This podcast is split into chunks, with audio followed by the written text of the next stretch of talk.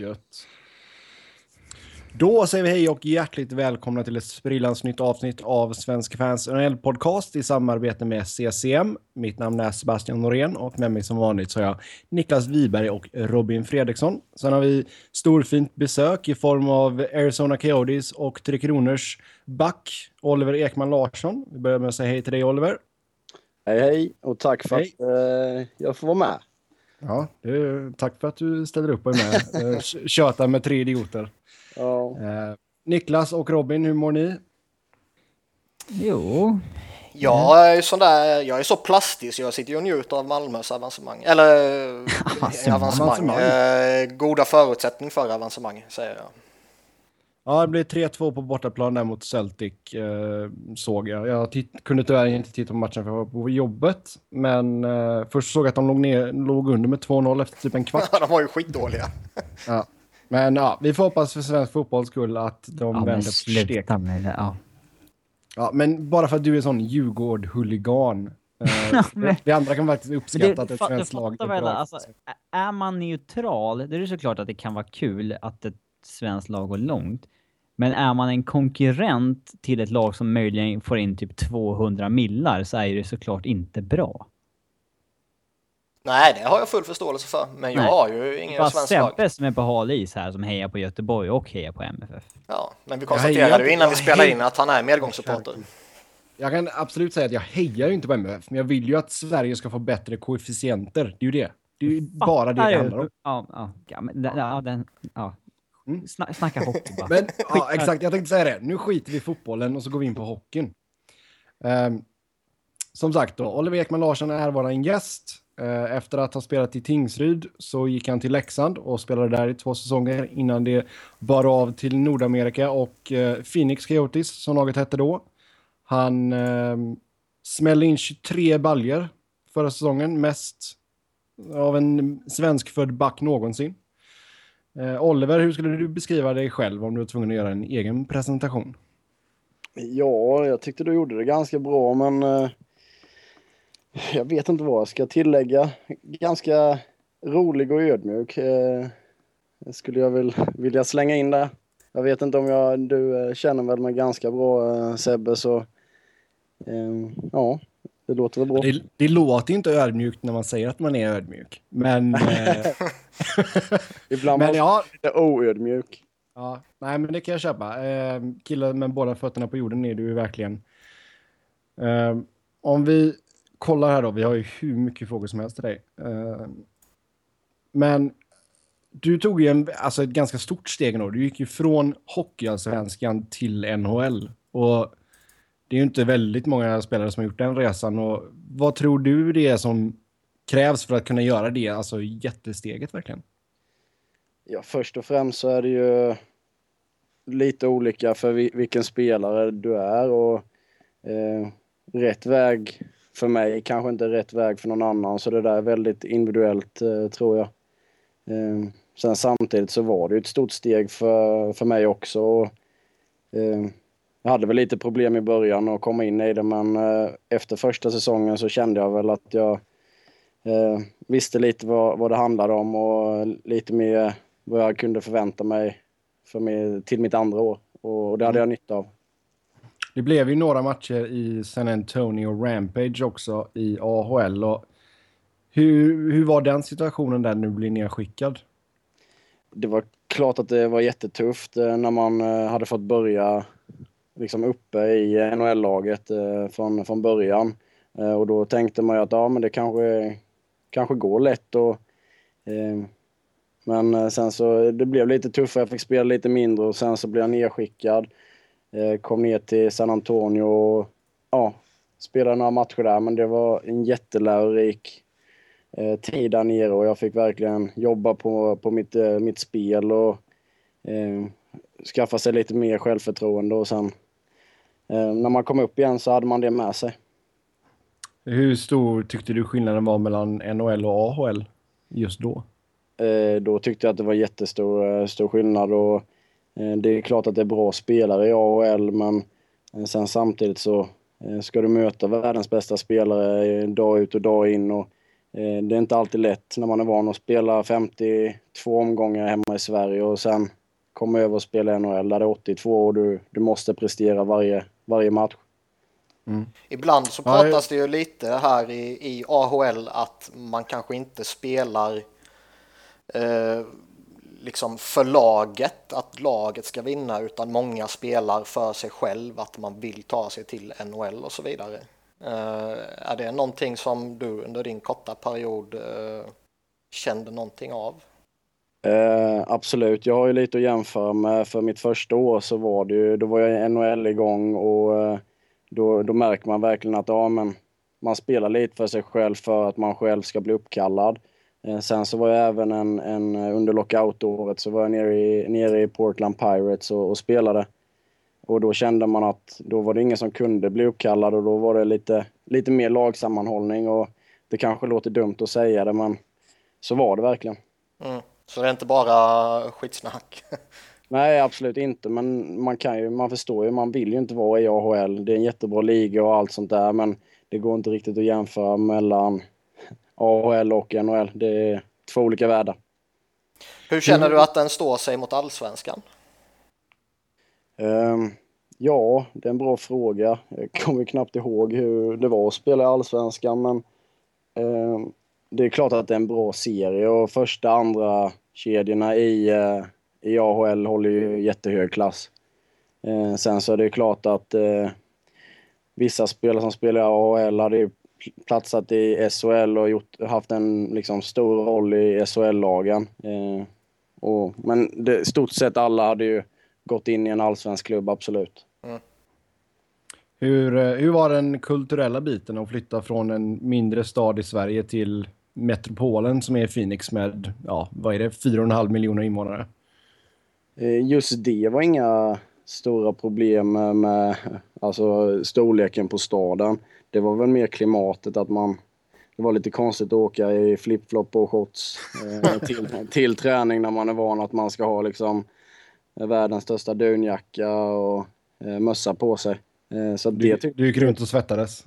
Ja, men det tyckte jag var, var den största eh, omställningen och det gör ju att du måste dricka mer och, och tänka, mm, tänka på vad du stoppar i dig.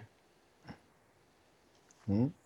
Ja, just den grejen också. För jag menar, vi, du har ju haft lite problem med att hålla vikten eh, när ni har spelat så mycket. Vilket påhopp!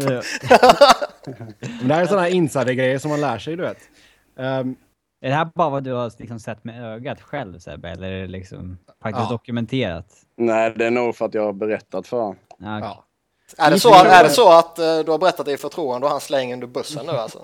Nej, han, han sitter nog li, på lite mer saker, men det, jag, jag litar på honom. Så vi får se om det kommer upp lite senare. Ja. Nej, men, nej, men jag tänkte kolla, kolla med det just nu, för alltså inför fjolårssäsongen så hade du ändå så lagt på dig ganska mycket muskler. Och hur ser det ut just nu? Vad väger du in på? Just nu så uh, väger jag 92 kilo. Elite Prospects har fel alltså. Där står det 91. Jajamän. Ett extra kilo muskler. Exakt. Härligt, härligt. Nej, men det, det, var ju alltså jag... Förra året inför förra säsongen så vägde jag ju 96 kilo. Uh, och det var liksom muskler jag hade gått upp. Men jag kände väl när säsongen drog igång att det var lite väl mycket för att jag skulle kunna utnyttja min skridskoåkning och rörlighet på isen. Så att eh, jag har väl känt det nu att jag ska ligga lite, ja, lite över 90 kilo. Mm. Ja. Då ska vi se, vad har vi nästa här då? Eh... Sen har vi fått frågan om hur Dave Tippett är som tränare och eh, vad han lägger fokus på. Alltså det har varit mycket snack om det defensiva, men hur uppfattar du Tippet som tränare och vad är det han vill att ni ska lägga extra mycket fokus på den här, eller ja, nu kanske inte du har pratat med honom inför den här säsongen, men vad vill han att ni skulle lägga extra fokus på förra säsongen till exempel? Jo, men det var vi är väl ett defensivt lag eh, och det är ju det som har, vi har haft så, eh, liksom framgångar med det spelsystemet innan. Eh, och det tycker väl både tippet och alla i laget att vi kom ifrån lite förra säsongen.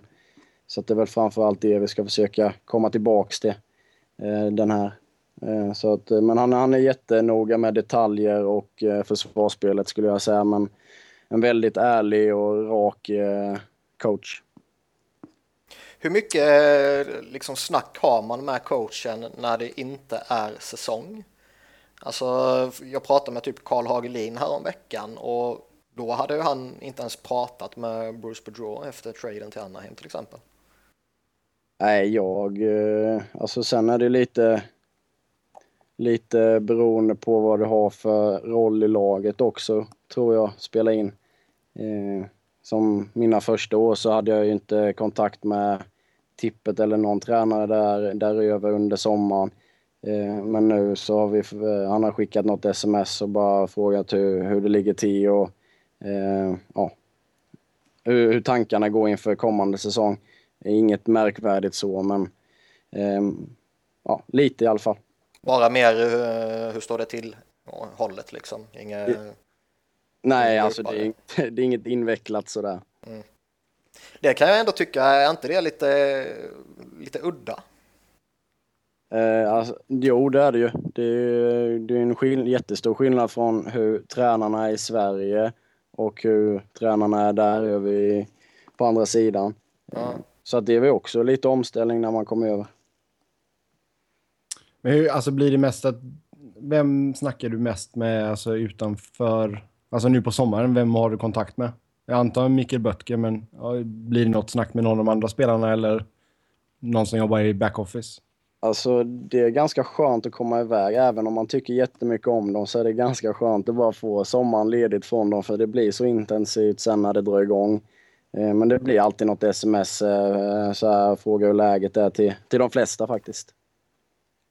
Grupp-sms? Nej, det, det, har vi inte för då hade det plingat hela tiden.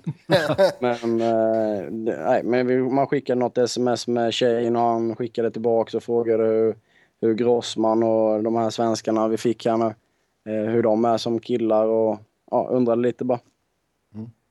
Hur eh, ser du på er trupp här nu inför kommande säsong? Den är ju inte spikad, men...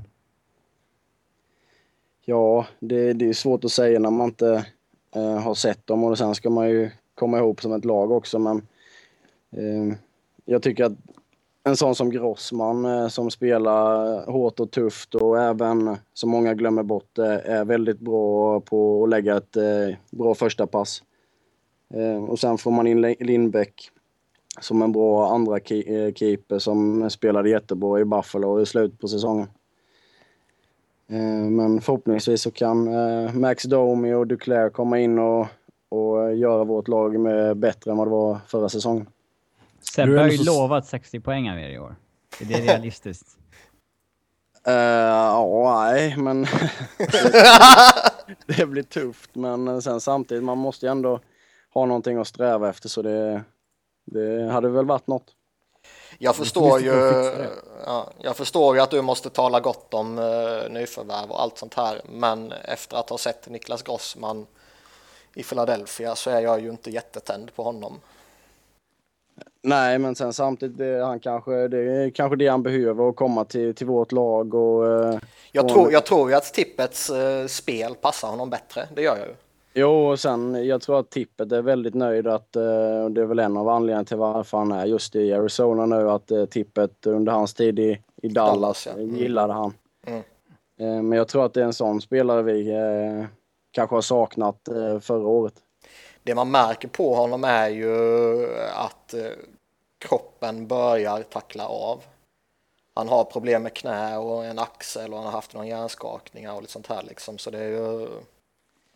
När man börjar komma upp i hans ålder, han är ju 30 bast nu, och när man börjar få de problemen och man är den spelartypen som han är så kan det ju börja dala liksom.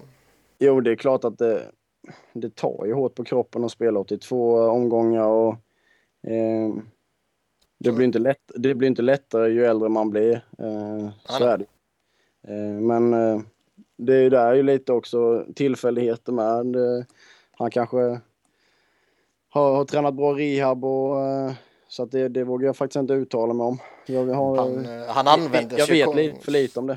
Han användes ju konstigt också. Han spelade mer eller mindre första backpar med Mark Strite liksom och det märkte man att han inte riktigt klarar av ju. Utan han ska ju spela i, i en lite mer skyddad miljö liksom. Eh, Men Oliver, du snackade om det just att ni har saknat någon som har varit lite tuffare. Alltså, ni har ju sett en hel del veteraner lämna laget eh, de senaste säsongerna. Jag tänker på Derek Morris, eh, Adrian Ocon före det och sådär. Ni signade Sibinik Mihalek igen. Det är en kille som du har spelat mycket med. Tror Mest du av att, alla eh, med till och med. Ja, jag tänkte säga det. Jag tror att det blir ni två igen. Eh, jag hade inte haft något emot att spela med, med Si. Han är jätte... Jag gillar att spela med honom. Han eh, täcker alla skott och gör det väldigt enkelt för sig. Jag tänkte säga det. Han tänker skott så du slipper. ja, precis. Det var, hade det på tungan, men jag skulle göra bra PR för mig själv. Eh, nej, men han hade jag absolut eh, kunnat spela med igen. Jag tycker vi, vi funkar bra ihop. Eh, men vi får se vi får se vad tippet och grabbarna har för, för planer. Vad tyckte du om det, du, det lilla du såg av Claes Dahlbäck förra säsongen? tycker han kom in och gjorde det fruktansvärt bra. Eh, jag spelade ju tillsammans med han i TV-pucken och det var ju jättemånga år sedan. Eh, men han har ju utvecklats jättemycket på, på de åren. Och han var ju, jätte, han var ju bra i SHL också innan han åkte över. Eh, men han kom in och gjorde det jättebra det var väl...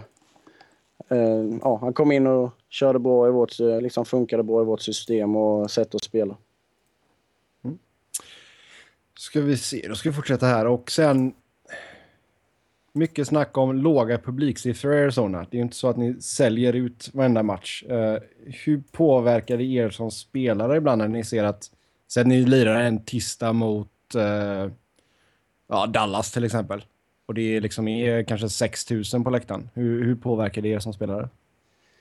Eh, det, man hade väl ljugit om man hade sagt att eh, man hade varit lika taggad, men eh, det är ju också en inställningsfråga. Eh, men sen, samtidigt är det mycket roligare att spela när det är fullsatt och det är bra drag på läktaren, men eh, man försöker inte att tänka så jättemycket på det och försöker koppla bort det och fokusera på vad man ska göra på isen själv istället. Men eh, det är klart att det är mycket roligare när det är fullsatt. Om vi hoppar tillbaka till truppen lite. Hur, hur är eh, Shane Doan som lagkapten? Han är ju, jag, nu är han ju gammal och lite, lite sämre än han var tidigare givetvis. Men jag har alltid gillat honom och han har alltid varit eh, lagom ful. Ja, han, först och främst är han ju en kanonkille. Och, eh, jag har haft många bra lagkaptener i de lagen jag har varit innan, men han, eh, jag måste säga det, han är fruktansvärt eh, bra i omklädningsrummet utanför isen. Från dag ett jag kom över så har han liksom tagit hand, och, hand om mig och liksom hjälpt mig. Eh, och det är alltid en, en kille du kan gå till om du har någonting du undrar över. Så att det är jätteskönt. Sen så, jag tror inte det är många som kan säga något ont om han. Men kanske, han, han spelar lite småfult och det, det är hans sätt att spela. Han har gjort det sen han, han kom upp i ligan. Och det, det, det, det är jobbigt att möta honom. Vad tror du om eh, era andra nyförvärv, typ Steve Downey och John Scott? Eh, Ja, Scott, eh, han är ju en... eh, Det är ju skönt att ha han i sitt lag, så kan jag väl säga. Eh, Fast för att vara så gigantisk som han är så fightas han ju jättelite. Ja, men det är ändå lite med respekt också. Det är nog inte många som, som vill eh, fightas med han. Eh, Nej, nej, det är givetvis. Och det, det tror jag är bra att ha på i sitt lag. För det börjar ju bli lite snack och så här att eh, den, den spelartypen är på väg bort från ligan och att den spelartypen inte fyller ett syfte längre och så vidare. Men känner man som spelare, känner man verkligen den tryggheten på riktigt liksom? Eller är det någonting som man mer eller mindre intalar sig bara? Nej, men det är väl klart att man liksom vet att kör jag över Crosby i ryggen så kommer jag få en efter mig. Eh, det är väl mer det det handlar om. Och eh, det är väl lite så han, eh, Scott kommer vara också för, för vårt lag. Mm. Och då kanske man tänker till en extra gång innan man gör någonting dumt. Så nu kommer ingen kunna mucka med dig? Nej, nu, förhoppningsvis kan jag vara lite kaxigare på isen än vad jag brukar. Vad tror du om Downey då? Eh, Det är ju en eh, spelare som är väldigt jobbig att möta.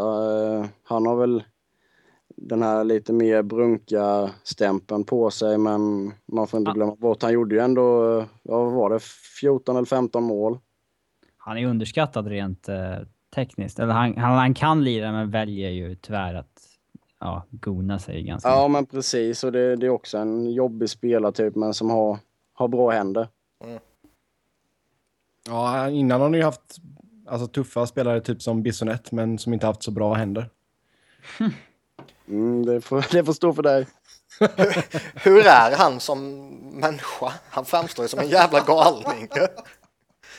Nej han är, han är faktiskt helt underbar. Ja, jag, men, jag menar det som något positivt. Ja, Men, nej, men eh, det, det var jätteroligt att få chansen att spela med han och han är också en väldigt omtänksam människa även om han kanske, kanske har svårt att tro det. Men eh, det är en ka- kanonkille, absolut. Han är ju faktiskt bättre på hockey än några av de goonsen som faktiskt har ett jobb i NHL idag. Ja, Han, eh, borde, han borde faktiskt kunna haka sig till något kontrakt, tycker jag. men det, är alltså- så, det är så man jag spelar ändå med han i, var det tre år. Och på de tre åren så utvecklades han fruktansvärt mycket. Och eh, som lärde sig spela, det var många som jobbade med han för att få ja, lite bättre teknik eller skridskoåkning eller vad det var. Men man såg verkligen att han gjorde framsteg på de tre åren. Ni har spelat det- 184 minuter ihop. Det är rätt mycket faktiskt. Ja, Väldigt bra course ihop. 55,3. det är perfekt ju. är det Ganska- du som bär upp honom eller var det han som bar upp dig? Det, var Det har vi också facit på. Ja. ja, bägge blev ju faktiskt bättre med varandra än utan varandra. Mm. Ja, vi får se. Nu är han ju mentor åt eh, Adrian Kemper där i Ontario. Ja, Så det blir nog bra. Ehm, Vad tycker du om Corsi förresten? Eller alltså överlag fantasy stats-grejen. Jo, det är klart att det är väl både bra och, och dåligt i vissa lägen. Eh, men eh, alltså, viss, viss statistik följer man ju noga och som plus minus förra året, eh, det la jag ner efter 12 matcher. så eh, så att det, statistik kan vara bra och dåligt. hur, eh, hur mycket av sånt får ni av eh, laget? Alltså får ni titta på typ alltså, sekvenser och sånt där? De ger er en ja, videoklipp och titta på det här. Det här gjorde du bra, det här gjorde du dåligt. Eh, vi får eh, faktiskt allt på en iPad efter matcherna så att man kan kolla på sina klipp. Och, eh, men det är väldigt mycket, mycket detaljer och sånt man ska kolla efter. Så att det, det är de faktiskt, nu vet jag inte hur det är i andra lag men vi är väldigt seriösa med, med sånt. Har det kommit fram, de, alltså hur var det om du jämför med när du kom in i ligan och förra säsongen? Har det utvecklats mycket just med tekniken alltså som ni använder? Jo, det har ju gått framåt eh, men sen samtidigt första åren var det också mycket teori och mycket videoklipp men nu skillnaden från då och nu är väl att man kan sitta själv och kolla på det på en iPad. Det, det kunde man innan första åren så, så kollade vi väl mer som, som lag. Ja, alltså nu slipper du eh, ha tippet peka ut ah, Oliver, det där gjorde du fel inför alla andra. Jo, det har väl hänt det också förra säsongen men eh, det är ändå skönt om man sitter på planet hem eller om man har lite tid över hemma att man kan kolla igenom sina, sina egna klipp. Ja, eh, ska vi se, nu går vi vidare här. Och hur förhåller man sig som spelare till allt snack om att eh, ja, tanka, alltså medvetet vara dåliga för att få en kille som Conor McDavid eller en Austin Matthews? Eh, det, har, det var ju mycket snack om att vi liksom förlorade eller la oss eller vad man ska kalla, kalla det eh, förra säsongen. Eh, men eh, så, alltså vi spelade ju för att vinna varje match och sen så tyvärr så det är ledsamt men sant att vi var ju tyvärr inte bättre än vad vi visade förra året. Ja, ni tradade ju bort Dubnik också när han gjorde det bra så... Då blev det inte lättare. Nej, Men det, det, måste ju det måste vara jättekonstigt liksom när, när man, eh, alltså spelare är jag helt övertygad om extremt, extremt, extremt få tillfällen medvetet väljer att förlora. Men liksom när man ser att organisationen tradar bort eh, den ena spelaren efter den andra liksom och det blir utifrån sett uppenbart vad man är ute efter. Alltså det, det måste vara en fruktansvärt jobbig situation för den som är kvar. Jo, alltså våran lagledning eller organisation, de gick ju aldrig och sa att ah, men nu ska vi trada bort för att vi ska få högre draft pick. Så var det ju inte. Eh, men det är klart att på något sätt så fattar man ju ändå med tanke på vilka vi tradade bort när vi tradade bort min backkompis och vi tradade bort Vermet. Men nu var det ju ändå bra eftersom vi får tillbaks dem och så har vi fått draft picks och, och lite så för, för dem. Mm. Eh, så att det tycker jag nu efter så här så var det ju kanon. Ja, alltså det är ju bra asset management. Det är det ju absolut. Alltså få draftval för killar som Vermette och Mihalik och sen plocka tillbaka dem i sommaren. Det är, det är ju ingenting man kan klaga på där direkt. Nej. Um, hur ser du då på er framtid här? Alltså det, det har varit mycket tjafs med staden Glendale. Nu har ni skrivit ett tvåårskontrakt på arenan då. Um, alltså vad, vad har dina tankar varit under hela den här soppan? Ja, det var ju klart att det varit jättefrustrerande eftersom man, man trodde när de signade det här eh, avtalet med Glendale innan så trodde man, ja men fan vad skönt. Nu är det liksom, kan vi lägga det här åt sidan och liksom kolla framåt. Eh, och sen två år efter så kommer det här upp igen. Eh, så det är klart att det är väldigt frustrerande att behöva liksom fokusera på sådana saker som egentligen inte har med hockey att göra. Det har med hockey att göra, men inget vi kan påverka. Nej, och det, det känns ju verkligen som att Glendale sköt sig själva i foten där lite också, för det var ju snack om att ni skulle, eh, eller ja, er ägargrupp då skulle ansöka om att få eh, anordna Frozen Four, alltså college eh, hockeyslutspelet och sen även JVM. Så det, det hade ju varit bra intäkter för både er, er ägargrupp och för staden Glendale. Men nu är det som det är. Um, hur tror du alltså just om framtiden, alltså efter de här två åren? Tror, tror du att ni kommer vara, alltså det är ju svårt för dig att sitta och spekulera om ni kommer vara kvar eller inte, men tror du att ni kommer kanske flytta till en annan arena i Arizona? Ja, det är en bra fråga. Ehm, sen, sen så tror jag att det, det avgörande är väl lite hur det går för, för laget. Eh, de här två kommande säsongerna. Eh, och se om vi kan eh, gå till slutspel och, och bli ett mer stabilt lag i, i ligan. Det tror jag väl framför allt det hänger på. Mm. Men om tittar, alltså den här säsongen, det känns ju ändå så som att förutsättningen nu är liksom att få in de yngre spelarna, få in dem, få in Duclair och få dem att börja utvecklas och sen kanske om ja, två, två, säg två, tre år kanske ut, alltså utmana på riktigt då? Ja, nej, men det, det, man vet, det är som ett lotteri. Man vet ju inte hur snabbt de kommer utvecklas eller hur snabbt de kommer vara en eh, bi, ja, liksom bidra till vårt lag. Mm. Eh, det kan vara redan denna säsongen, det kan vara om två eller tre år. Eh, det vet man inte. Uh, vi har fått in, eller vi säger nu, men NHL har ju fått in två stycken uh, ansökningar om expansionslag då, en från Quebec och en från Las Vegas. Eh, hur ser du på ett potentiellt lag i Las Vegas? Tror du att det skulle kunna bli en rivalitet där mellan Las Vegas och Phoenix och hur tror du att det kommer vara för spelarna att spela i Las Vegas? Ja, det blir nog en upplevelse att bo och spela där. Eh, för de som ska göra det, men eh, jag, eh, jag, jag, tror att det är väldigt svårt att hitta den här eh, fan, alltså fansen som kommer till varenda match. Eh, jag tror att det är mycket turister som känner att, ja men vad ska vi hitta på ikväll? Vi kanske går och kollar på en hockeymatch. Så det känns som att det kommer vara mycket byte av fans. Mm. Jag vet att Niklas har ju varit rädd för att det ska bli jippo av allting. Jag med. Ja, men det ja. känns ju just i Vegas, liksom med alla kasino och alla hotell och alla grejer som finns, att det blir jättegippo och liksom en cirkus i hela grejen liksom.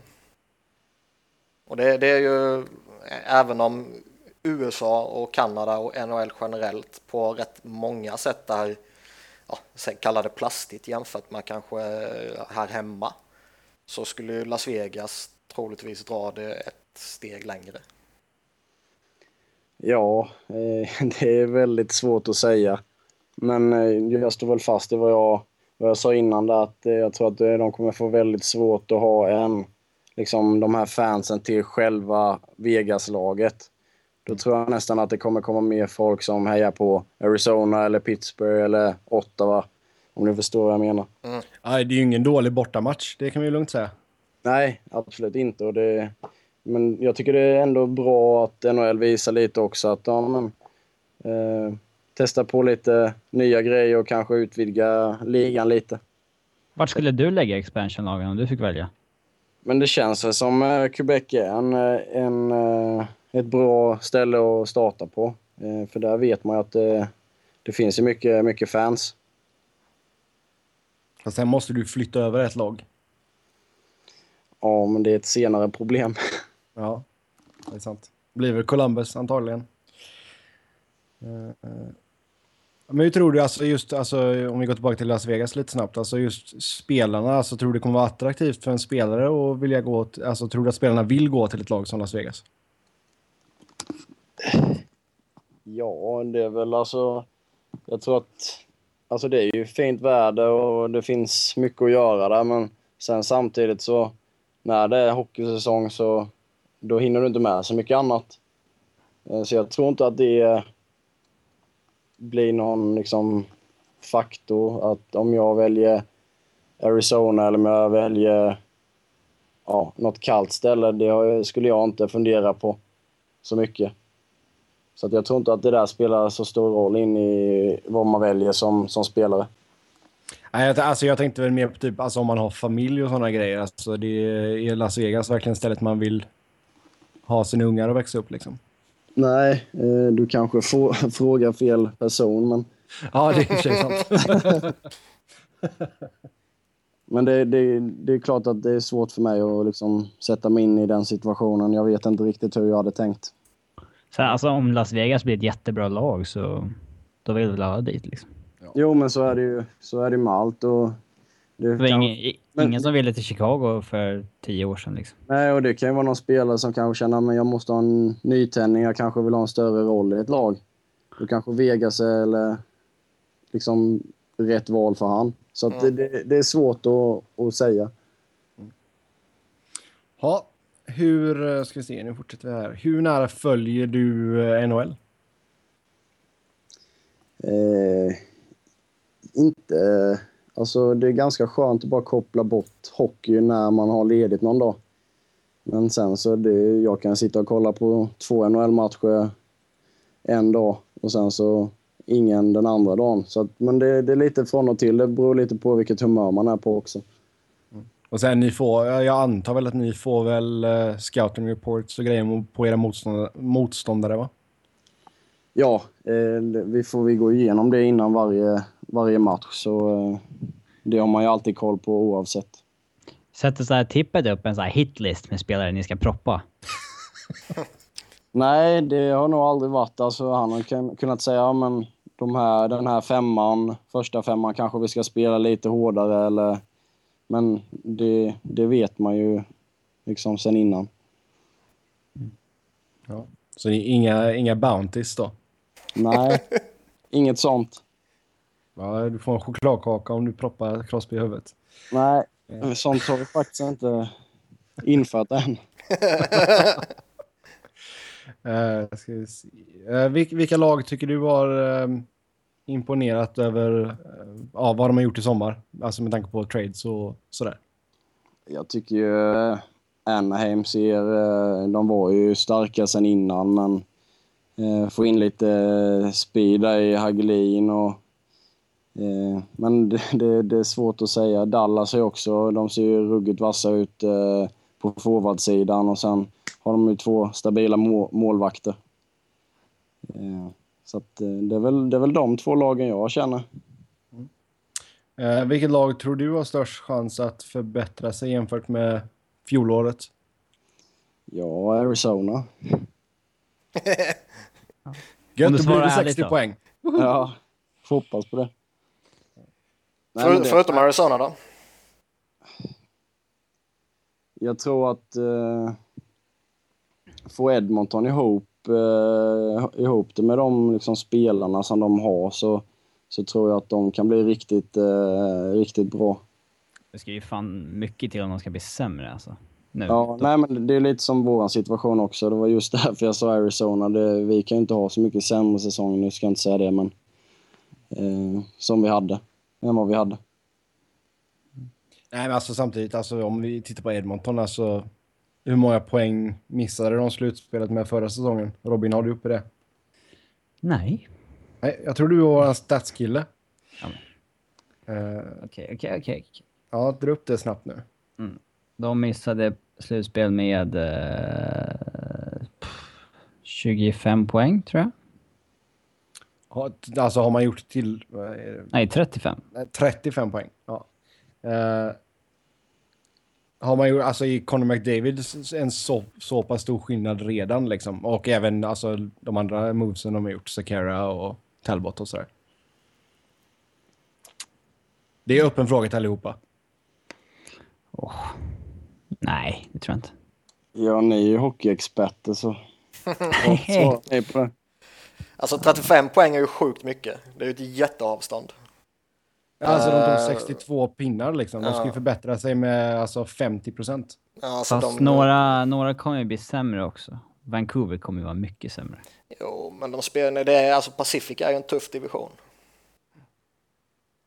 Ja. Anaheim som, som Oliver var inne på tycker jag också ser förbannat starka ut. Eh, jag tror ju LA kommer vara, de kommer nog vara igång liksom. Calgary kan mycket väl fortsätta. Vancouver kommer väl dippa av lite. San Jose vet man ju aldrig riktigt vad man har. De, eh, men de lär väl ligga på den nivån de har legat på tidigare också. Och sen Edmonton och Arizona är ju i ärlighetens namn svårt att säga något om. Eh, lite som Oliver var inne på så kan man vara mycket sämre. Kanske inte, men det är jävligt tufft att vara mycket, mycket bättre också. Ja, vilket lag eh, har störst risk för att försämras då jämfört med fjolåret? Är det Vancouver? Oh ja. De kommer bli mycket sämre. Ja, motivera. Ja, men de har gjort en mycket dålig offseason med dåliga moves. Så, eh, eh, de kommer bli sämre. Rangers tror jag också kan tappa lite. Eh, så, alltså, men inte så hårt som Vancouver. Rangers är fortfarande topplag liksom, i East. Nej. Nashville kanske tappar lite också. Eh, ja, det är nog svårt att se något lag som förfaller liksom, men... Eh, ja, mm. de. Ja, eh, Oliver, vilka tror du är favoriter till att vinna Stanley Cup och varför? Ja, Chicago... Gött sitta och tippa det så här i augusti. Ja, nej men det, det är svårt. Men Chicago är alltid med och slåss om det. Eh, det har de ju visat. Och det har inte hänt jättemycket på det. De tappar ju han Sad i och för sig. Men eh, Chicago, sen så tror jag ändå att Pittsburgh kommer vara där uppe i år. Ja, de har gjort en grym sommar. Ja. Eh, så att det är väl de två lagen. Där måste du nästan vara glad att ni bara möter dem två gånger per säsong. Jo, men sen så har vi Anaheim och Dallas som har, ser ruggigt starka ut och de är i samma div division så det blir tufft där istället. ja, eh, ska vi se. Nu ska vi gå in på lyssnarfrågorna här och, och eh... oj, ja. Om vi tittar på era talanger här då som ni har i pipelinen. Eh, vilka tror du är mest redo att ta steget upp till NHL den här säsongen och vilka tror du kan behöva lite, tid i, lite mer tid i juniorligan eller i AHL? Ja, jag skulle väl... Alltså Max Domi, han har ju spelat i juniorligan nu i, i fyra år. Eh, och tagit steg för varje år som har gått. Eh, så att jag tror att han... Eh, han tror jag är redo faktiskt. Sen ska man ju... Får man inte glömma det att det är väldigt stort steg från juniorligan till NHL. Nu har ju inte du spelat i den juniorligan, men det skulle du vilja att man ändrade på den här regeln som säger att de... Typ som ni har med Dylan Strom nu till exempel, att han antingen så ska han spela i NHL eller så måste han tillbaka till juniorligan. Att, det inte, att man inte kan ta det där mellansteget med att gå in i AHL i den här åldern så att säga. Alltså det var ju en av anledningarna till att jag eh, valde allsvenskan istället för kanske att välja en elitserieklubb och spela juniorhockey i den. För att jag tyckte att kanske, eller jag tyckte att det var bättre för min utveckling att kanske vara med och spela mot vuxna män. För det är ändå seniorhockey du ska spela när du blir äldre. Eh, Så att jag tror att det hade gynnat många yngre spelare att kanske kunna vara i AHL och spela istället för juniorligan. Juniorligan är jättebra eh, och det säger jag ingenting om, men jag tror att steget hade blivit mindre från NHL när de hade liksom varit redo eller skulle ta det då. Jo, men undviker man, inte... Aston Matthews undviker väl det här nu i och med att istället för att hoppa in typ i någon juniorliga så när han går till Europa så får han väl spela i AHL nästa år, vilket han inte hade fått ifall han spelade i en juniorliga. Ja, nej, det, jag är för dåligt insatt i det, men jag tror att han tänker väl också lite att ja, men han är ju ändå så pass bra så han vet att han kommer gå väldigt högt. Etta för, är han väl. Mm. Eller Ja. som snackar om. Eh, och han vet ju att ja, men då kanske jag åker till Europa och spelar mot vuxna män och spelar seniorhockey och har lite mindre kliv när jag väl ska ta klivet till NHL.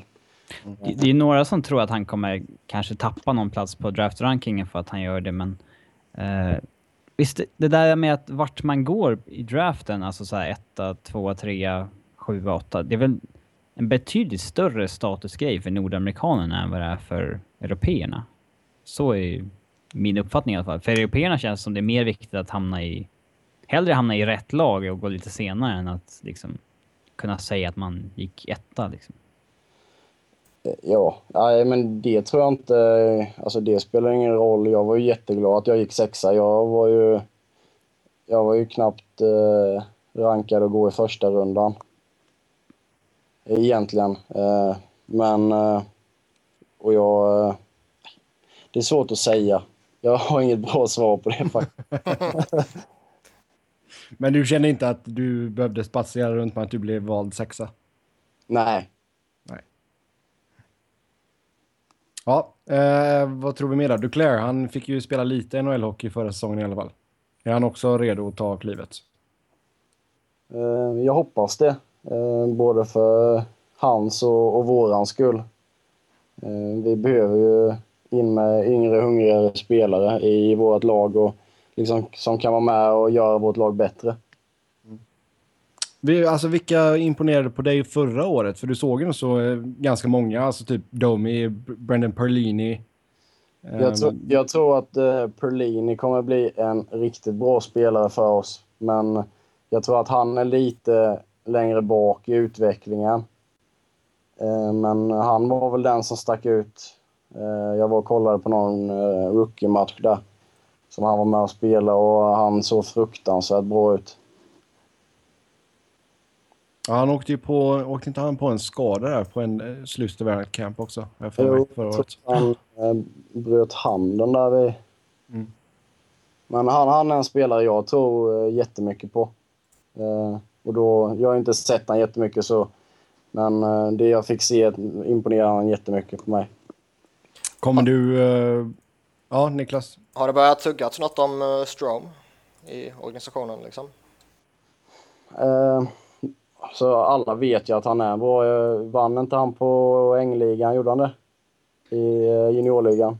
Jag tror att han gjorde det i och med att McDavid var ju skadad en- Ja. en period där när han bröt handen. Ja, han vann poängligan. Eh, så att han, man vet ju att han är en bra spelare och det är ju lika där. Det är svårt att säga att är han redo för NHL nästa år? Eller är det om två år? Det, det där är svårt att säga. Det, man får se när han kommer till campen och eh, det är väl där allting avgörs. Men känns det inte lite som att alltså Don Maloney och Tippett hellre håller tillbaka någon? För jag tycker ändå så att Max Domi hade ju säkert kunnat spela mer förra året och gjort det helt okej. Jo, eh, För, om man, för om man tittar tillbaka så har de kanske slängt in lite spelare lite för tidigt. Till exempel eh, Micke Böttger tycker jag att de slängde in ett år för tidigt i alla fall. jo, det blev lite konstigt där med tanke på att Gretzky slängde in han, lät han spela liksom stort sett alla matcher. Eh, fick jättemycket istid och sen året efter så bytte de coach. Då kom Tippet in. Och Tippet, ja, han var väl lite mer för äldre veteraner. Eh, och då fick eh, Bödke spendera hela säsongen i AHL. Eh, och det är det är tufft som spelare också. Man vet att man har spelat en hel säsong i NHL och känner lite att ja, men jag står med ena foten inne. Och sen andra säsongen så spelar du ingenting. Och det är väl därför de är lite försiktiga med att slänga in yngre spelare. Ja, ska vi se, vad har vi mer? Eh, vilka svaghe svagheter anser du att du har i ditt spel och vad är det du skulle vilja förbättra? Uh, ja, jag tycker väl att jag har mycket, många saker jag behöver jobba på. Uh, framförallt i defensiven och då ska jag säga att jag har tagit jättemånga kliv i min utveckling i defensiven. Men jag tycker ändå att jag har mycket kvar där att lära. Uh, sen så offensiven också så tycker jag att jag kan kanske vara lite mer självisk än eh, i vissa lägen. Ja, 23 mål är ju för dåligt. Du sköt, du sköt ju massor i fjol. Absolut, gjorde jag. Och det sa jag till mig, mig själv innan säsongen att ja, men får jag ett läge så ska, ska jag ta det och skjuta. För det är framme vid mål, liksom, saker händer.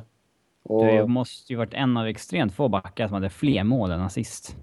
Alltså av de som faktiskt spelar mycket inte de som Jo. gjorde ett mål och noll assist liksom. Sen så blev det ju lite också när vi tradade bort Järndel att jag fick ju spela två minuter i powerplay. Jag fick liksom den här offensiva rollen för det var inte riktigt någon annan som hade den på backsidan.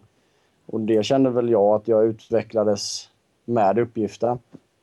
Så att det var jättetråkigt att vi tradade bort Järndel men samtidigt för egen del så var det eh, bra för mig. Ja, du fick ju både mer förtroende i PP och sen blev du ju även assisterande kapten. Alltså, hur, hur kände, kände du att du växte med alltså, det extra ansvaret? Alltså jag, ty- jag, jag tycker först och främst så tyckte jag det var jättetråkigt att Järnel eh, försvann. Jag tycker det är en sån som man vet vad man får. Man får 55-60 pinnar varje år av han. Och det, det är svårt att hitta en sån back.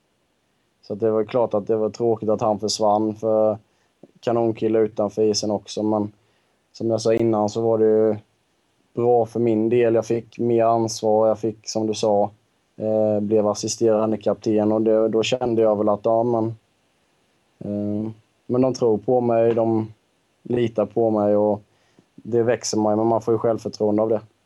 Vad känner du är den faktiska skillnaden mot att ha ett A på bröstet mot att inte ha någonting? Alltså, gör man saker annorlunda? Uppträder man annorlunda? Och, och så vidare. Jag kan ju bara prata för mig själv, men eh, jag ändrade ju ingenting i mitt spel eller hur jag var vid sidan av isen.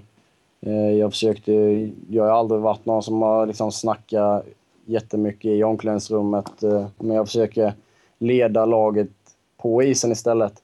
Och sen så hockey är ju väldigt, du är väldigt beroende av ett bra självförtroende ute på isen.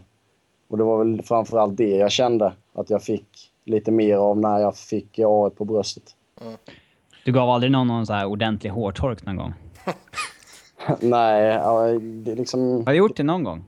Det, det är klart att man i ett lag så ska man ha högt i tak. Man ska liksom säga till om man tycker att någon gör fel eller kunnat göra lite annorlunda i den situationen. Men det är ju inte för att trycka ner någon. Det är för att försöka utveckla spelaren eller utveckla laget. Eh, så att det gäller att ha högt i tak och sen så är det, ju spelare som tar lite kritik bättre och det finns vissa som inte kan ta kritik alls. Så det där måste man ju lära sig. Eh, och det gör man ju ju mer man umgås, ju mer man är runt varandra. Gormar du, Doan mycket eller är han den tysta? Um, han är väl ganska tyst, men han har också den känslan att han vet när laget behöver sig en omgång. Uh, och det är han väldigt bra på. Har ni, har ni haft någon under dina år som har varit liksom den här som gormar mycket? Uh, alltså vi hade, Shane ställer sig upp och säger att ja, men det här är för dåligt och skriker lite när det behövs som jag sa. Eh, så att vi hade väl några gånger under säsongen som var. Du, du skällde inte ut Mike Smith efter han gjorde det där mål, målet med röven? Nej, det gjorde jag inte. Hur, hur förhåller man sig till en sån sak liksom inom gruppen? Alltså, själv har jag ju bara spelat liksom bonnafotboll här hemma i Växjö och alla har ju gjort misstag där ju. Men, där trycker liksom, man ner varandra. Ja, där trycker man ner varandra i skiten. Men liksom, hur funkar det på den yttersta nivån när det sker sådana fullkomligt galna saker? Nej men det, alltså jag, jag, jag har ju haft smitt som har sagt till mig att ja, men varför gör du inte så här eller gör så här istället. Men han säger inte det för att han inte tycker om mig. Eh, han säger det för att laget ska bli bättre och för att jag ska tänka till en extra gång innan jag gör något. Ja, men om jag kommer i sam, samma situation. Mm. Eh, och, och, det där är, det där lär man sig ju mer man spelar med killarna i laget. Eh, och det är det är gånger jag själv har liksom, ja men tycker att Bödke tar vem som helst, gör fel eller inte ser mig där, så säger jag till honom, såg du mig på bortre stolpen? Nej, säger han då och då får man liksom förklara, men jag är öppen där, bara släng ett öga nästa gång du har pucken eller vad som helst. Mm. Och jag och Bödke, jag blir inte, han blir inte, vi blir inte sämre kompisar för att jag försöker hjälpa han. Mm. Pratar han förståelig danska eller pratar ni engelska? Nej, han, han spelade i Sverige i två år i Frölunda. Ja, just det. Så uh, han uh, snackar flytande småländska nu. Fan vad vackert. Ja. Ja, men det blir, det blir aldrig så att du alltså får panik när Mike Smith går ut och ska spela pucken och skriker nej? Nej, eh, alltså han är ju så fruktansvärt säker med klubban och det är jätteskönt att ha en målvakt som går ut och spelar den för det gör ju att vi backar inte alltid behöver hämta pucken i sarghörnan. Eh, och sen är det ju klart att Smith har gjort bort sig någon gång också och det blir ju fel ibland. Men det är mer gånger det blir rätt så att eh, det är väldigt skönt att ha en målvakt som spelar. Du, spel du spelade väl med Bruscalo första året? Ja, och det är som dag och natt Hur var han? Eh, hur, var, var han, han som människa? Ja, som målvakt skitsamma, men alltså som... Var han så konstig som han liksom... Eh, som han framstår i 24-7, om du ja, sa det. Alltså han var en speciell, eh, speciell person. Eh, men jag hade absolut inga problem med han och han var jättesnäll och det är klart att ibland så fattar man inte riktigt vad vi, vad vi snackar om, men ändå så snackar vi om det. är han den konstigaste spelaren du har spelat med? Eller människan du har spelat med? Jag har alltid hört att målvakter är lite speciella. Mm. det är de i alla idrotter. ja, eh, men han kan nog vara en av dem... Vet inte, jag har inget bra ord för det, men... Det, egen? Ja, men egen är ett bra ord kanske. Uh, Hur det, var, det, det, är roligt att liksom ha spelat med en sån kille också. Uh, nej, en, en bra kille, fast lite annorlunda. Det pratas ju lite ibland när man har en sån spelare och nu menar jag inte nödvändigtvis just honom men det finns ju sådana såna människor som är framstår som udda liksom och så är det pratas det mycket bland eh, supportrar men kanske framförallt media faktiskt just att eh, han är en ja, han tar, han tar fokus från liksom spelet och från, från gruppen och så vidare är det sant liksom? Upplever du det som det? Eller är det bara någonting man skriver liksom? Alltså jag, jag tror att den bilden har nog alla experter och reportrar skapat. Eh, och egentligen så har de ju inte en aning om vad som händer i ett omklädningsrum. Nej, det är det jag menar. Eh, och sen det är väl klart att jag har spelat i lag som det är någon kille som kanske har tagit lite mycket energi eh, från gruppen. Pelle Pressberg. nej. eh, nej, men och då... Det är klart att då får man ju ta den här killen och säga ja, men då får man ju diskutera det och försöka lösa det. Pelle alltså. Men alltså om vi, om vi tittar tillbaka då, alltså typ alltså Mike Ribeiro. Det var ju snack om att det var för mycket stök och sådär. Alltså upplevde du att han var en, ett störande moment i ert, omklädning, i ert omklädningsrum? Nej, det... Alltså jag har väldigt eh, få människor som jag har svårt för. Eh, jag går oftast eh, ihop med de, de flesta. Men eh, han var ju en... Alltså jag gillade Ribeiro och vi umgicks jättemycket. Eh, så att... Eh, nej, jag tyckte inte han tog alls mycket energi från gruppen. Bara Sebbe som tycker det alltså. ja. Nej, men vad, alltså, med, jag vet inte om du har tagit del av uppgifterna som har kommit fram nu om honom, men alltså det... Ändrar det din bild, alltså ditt synsätt på honom som människa? Nej, men alltså man vet ju, man får ju höra media skriva om en kille som kanske spelar i Toronto. Eh, som inte jag känner eller aldrig har träffat. Och då får man det är klart att ja, men han kanske är sån tills man träffar han.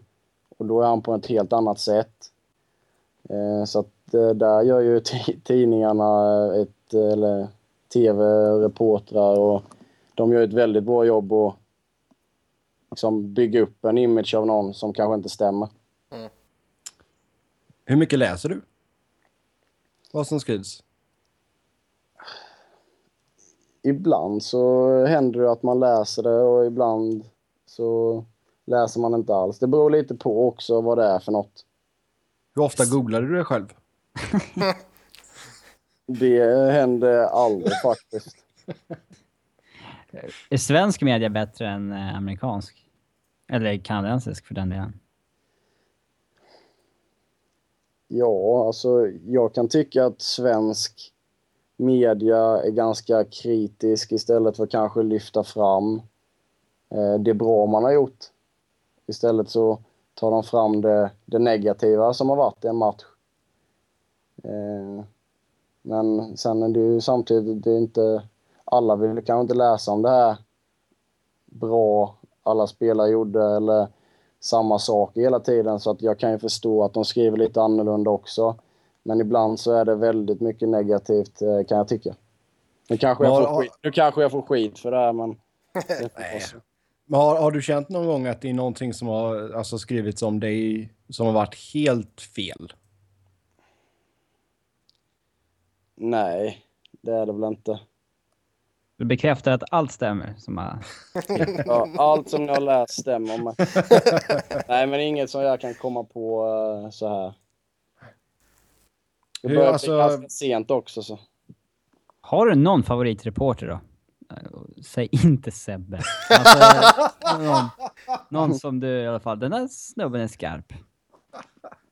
Nej, men Sebbe är en av mina favoriter, det måste jag nog säga han kan, han kan man eh, snacka, lite, snacka lite skit Men nej, men jag tycker att eh, det finns många bra svenska reportrar, absolut. Eh, men eh, jag ska inte, ska inte säga vem min favorit är.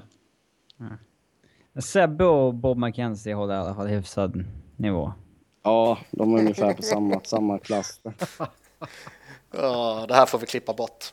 Nej, herregud. Det här, det här ska sparas. Det blir nya introt. Ja, visst. Uh, nej, men alltså, kan, kan, hur, om vi säger så här då. När ni har besök av uh, kanadensisk media, uh, för de kommer ju oftast i stora drevor när Toronto och Edmonton kommer att hälsa på. Känner du att de är uppför sig annorlunda jämfört med alltså, de reporterna i Arizona som du mer eller mindre ser på en daglig basis?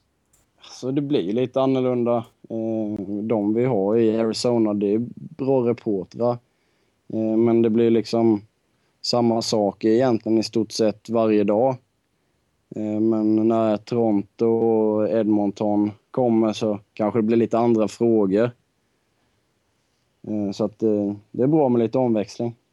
Skulle du vilja att det var, skulle du vilja att det var större mediatryck i Arizona? Alltså att det fanns ett större intresse på det viset? Alltså för min del så har det varit perfekt. Eh, jag har liksom kunnat... Min engelska var ju inte alls bra när jag kom över. Eh, har blivit bättre. Men eh, alltså jag tror att det var ganska lagom för mig när jag kom över och eh, inte kanske har den här mediapressen. Så att eh, allt har gått eh, perfekt och jag är jättenöjd att jag kom till Arizona och liksom fått ta den tid det tar och, och bygga upp liksom självförtroende, språk och eh, ja, växt på isen och allting sånt där. Så att jag, jag är jättenöjd med hur min utveckling har varit i, i stort sett i alla, på alla plan. Men vi såg ju, i alla fall vi som bor här i, i Nordamerika, såg ju förra säsongen att det blev mer och mer alltså medial uppståndelse kring dig. Du fick åka till New York inför säsongen och göra sådana grejer. Du var även på NHL Network och sådär. Alltså, känner du att du uppmärksammas mer än vad du har gjort tidigare? Eh, ja, det, det, tycker jag. Och, alltså, vad som jag sa, jag tror inte jag hade velat göra de här sakerna för tre, två, tre år sedan. För då hade jag inte kunnat det, men nu känner jag väl att det är roligt att, att få åka och liksom ha den här kickoffen med NHL eh, i början på, på säsongen. Och det betyder att man är liksom, ja, sin organisation tror på en och att man är ändå ett ansikte utåt för, för sitt lag. Så att det, det tycker jag är väldigt roligt. Uh, känner du någonsin att de här grejerna ni gör, alltså ja, när det typ är powerbreak och sådär så kan man göra lite sådana här halvskumma eh, grejer uppe på jumbotronen och sådär. Alltså känner du någonsin att liksom bara varför gör jag det här? ja, det är klart att man har frågat sig själv några gånger varför ska man göra det här? Men sen, sen, så, sen så vet man att man ser, jag ser det på en helt annan sätt än vad kanske fansen gör. Mm. Eh, och det är, väl, det är väl framförallt därför vi gör det, för att fansen ska få se en annan sida av dig själv. Vad är det skummaste ni har fått göra? Ja... Det kommer jag... Vad har vi gjort, tänkte jag säga. Ni gjorde ju någonting på alla hjärtans dag, vet jag, som såg jäkligt konstigt ut. Ja. Ja, men det kan nog vara det. Eller vi satt ju och... Eh körde prärievarg i bilen där med. Det var, ja, just det. Det var också lite konstigt. Stod, stod parkerad helt stilla och ylade. Det också, kändes också sådär. Men sen, alltså ni, ni gör ju inte så mycket utanför hockeyn. Alltså, jag vet att ni har hjälpt till och byggt lekparker, ni har gått till barnsjukhus och sådär. Alltså, känner du att du har ett ansvar att hjälpa till i alltså, kommunen eller vad man nu ska säga? Ja, men jag, jag, tror att det är väldigt viktigt att man ger tillbaks på no något sätt. Eh, sen så det blir ju det är väldigt hektiskt när säsongen är igång och eh, kan man åka till ett barnsjukhus och vara där i, i någon timme så, eh, så har jag absolut inga problem. Det är det minsta vi kan göra. Eh, så att, eh, jag gillar faktiskt att göra sådana saker och ge tillbaks lite till, till kommunen eller eh, vad man ska säga sådär. Hur, hur känner du att ni har, alltså just med fansen och sådär, alltså ni har, det är ju inte, som sagt, det har vi pratat lite om tidigare, det kanske inte är jättemånga, men det känns ju ändå som att eran hardcore-grupp är ju alltså verkligen stöttar laget. Ja, och jag, jag, tycker att vi har bra fans. Eh, man kan ju bara jämföra med första året jag kom dit och tills nu så har ju liksom blivit mycket mer fans än vad vi hade tidigare. Och det, det, är, ett tecken, det är ett gott tecken. Och sen med tanke på hur vi har spelat de senaste två säsongerna så är det, har det varit bra, måste jag säga. Blir du eh, igenkänd mer och mer på stan? Eh, ja, men det, det blir väl så också att från att komma över som ingen alls eh, till att ha spelat där i fem säsonger nu. Eh, så det är klart att det beror lite på vad du är för någonstans och vem du springer på. Mm. Eh, men det är klart att man, man eh, blir väl igenkänd oftare, ska jag säga. Får du ta mycket bilder med folk? Ja, men det är nog mer hemma i, i Sverige, tror jag, när man är hemma på sommaren. Det är jobbigt om man har en bad hair day då. Ja, men det har jag varje dag så att det spelar ingen roll. Det är bara... Om något skulle jag väl säga att du aldrig har en dålig hair day. Fan, det har man ju sett ibland. Eh, tar hjälm och så bara... Ja, ja. Svenska Ehm. NHL-spelare och hår alltså. Ja, ja, det, det är ju Inte våran Ryan Getzlaff-nivå, nej inte. Nej, det är ju vår största gåva till NHL. Skulle jag Ja. nästan säga. Men vem, har, oss vem, har, skridskoåkare. vem, har, vem, är, vem har bäst hår av svenskarna i NHL? Ja, så det är väl... Ganska, det är väl ganska självklart val där. Ja, Dennis. Everberg är underskattad. Ja, Han har ju ett jävla enormt hu- hår alltså. Så det är... Ja. Men jag tänkte ju säga Henke Lundqvist. Ja, Henke har ju bra hår. Ja, Får man vara med på uh, schamporeklam så... då gör man någonting rätt. Ja. Blir han hånad för det där i NHL någonting? Det borde ju trashtalkas liksom. Nej. Det känns som att det där är knappt uppmärksammat i NHL. Nej, Men- jag, hade, jag, hade, jag hade också velat vara med på något sånt. Kan man trashtalka en målvakt? Alltså... Ja. Man, är inte i närheten av en målvakt på samma sätt som man är med utespelarna, menar jag. Nej, men det går väl... Målvakten kan ju inte dra någonstans. Nej, men... Nej, men jag menar så fort, eh, så fort någon åker fram och ställer sig framför målvakten så blir han ju ivägslängd. Ja, nej, men jag tror... Jo, det hade väl gått om man hade velat, tror jag. Pysslar du med Vem- sånt själv förresten? Det beror lite på vilket humör man är på. Vem eh, som du har spelat emot snackar mest skit? Ja. ja men alltså det är ju alltid lite på isen och det, det tillhör ju. Eh, och jag tycker det är ganska roligt också att eh, få höra vad de tycker och tänker om en ibland. Vad är det värsta du har hört någon säga till dig? Ja, det, Och vem har sagt det? det, det kan vi ta någon annan då. Barnförbjudet. Ja. Steve Ott snackar väl mycket skit. Ja, Många säger att han snackar mest av alla liksom. men det, ja, det, men det finns en del. Jag har faktiskt fått eh, lite skit för jag har ju ett eget klädmärke. Ah. så var jag med och eh, stod i kallingar där. Bara kallingar, så det fick jag höra någon gång förra året. Det är ju sånt som Henke borde få höra, det här med schampot. Ja, Men vet folk där borta om det då? Ja, men det är det som är så synd. Det är ju liksom så lokalt i Sverige bara. Det är bara han och Alex Schulman och... Ja. Nej, men jag tror, jag, han har ju, jag tror det är nog, Du får börja sprida det. jo men jag, det är någon som har tagit upp det i, i laget, det måste det vara. Men vad kallar de den? Kalsongpojken då? Nej, han bara, han, så den här killen, spelaren som åkte förbi mig och sa det, han tyckte att jag skulle jobba lite mer på appsen. Det var Erik Karlsson eller? Och då sa du klipp av dig Zlatan-tofsen. Nej, det var ingen svensk.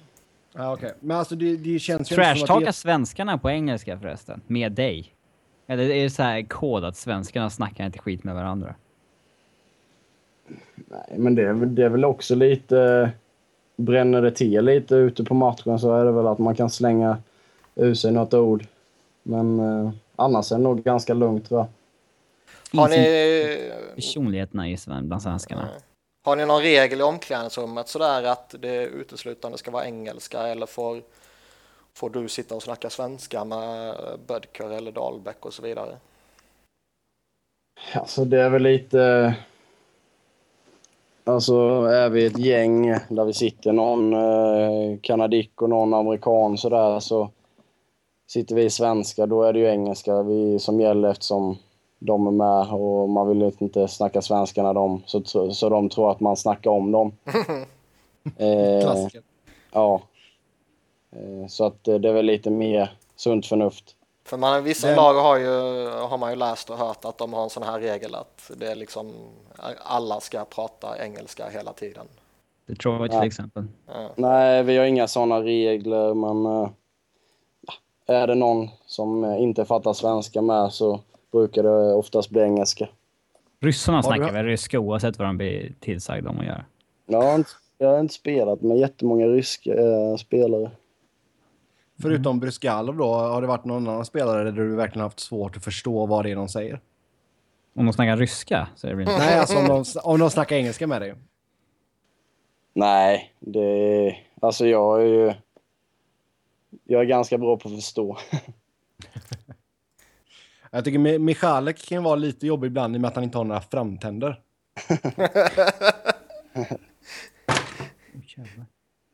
Robin, vad gör du? Jag tappade telefonen. Okej, ja, det är bra.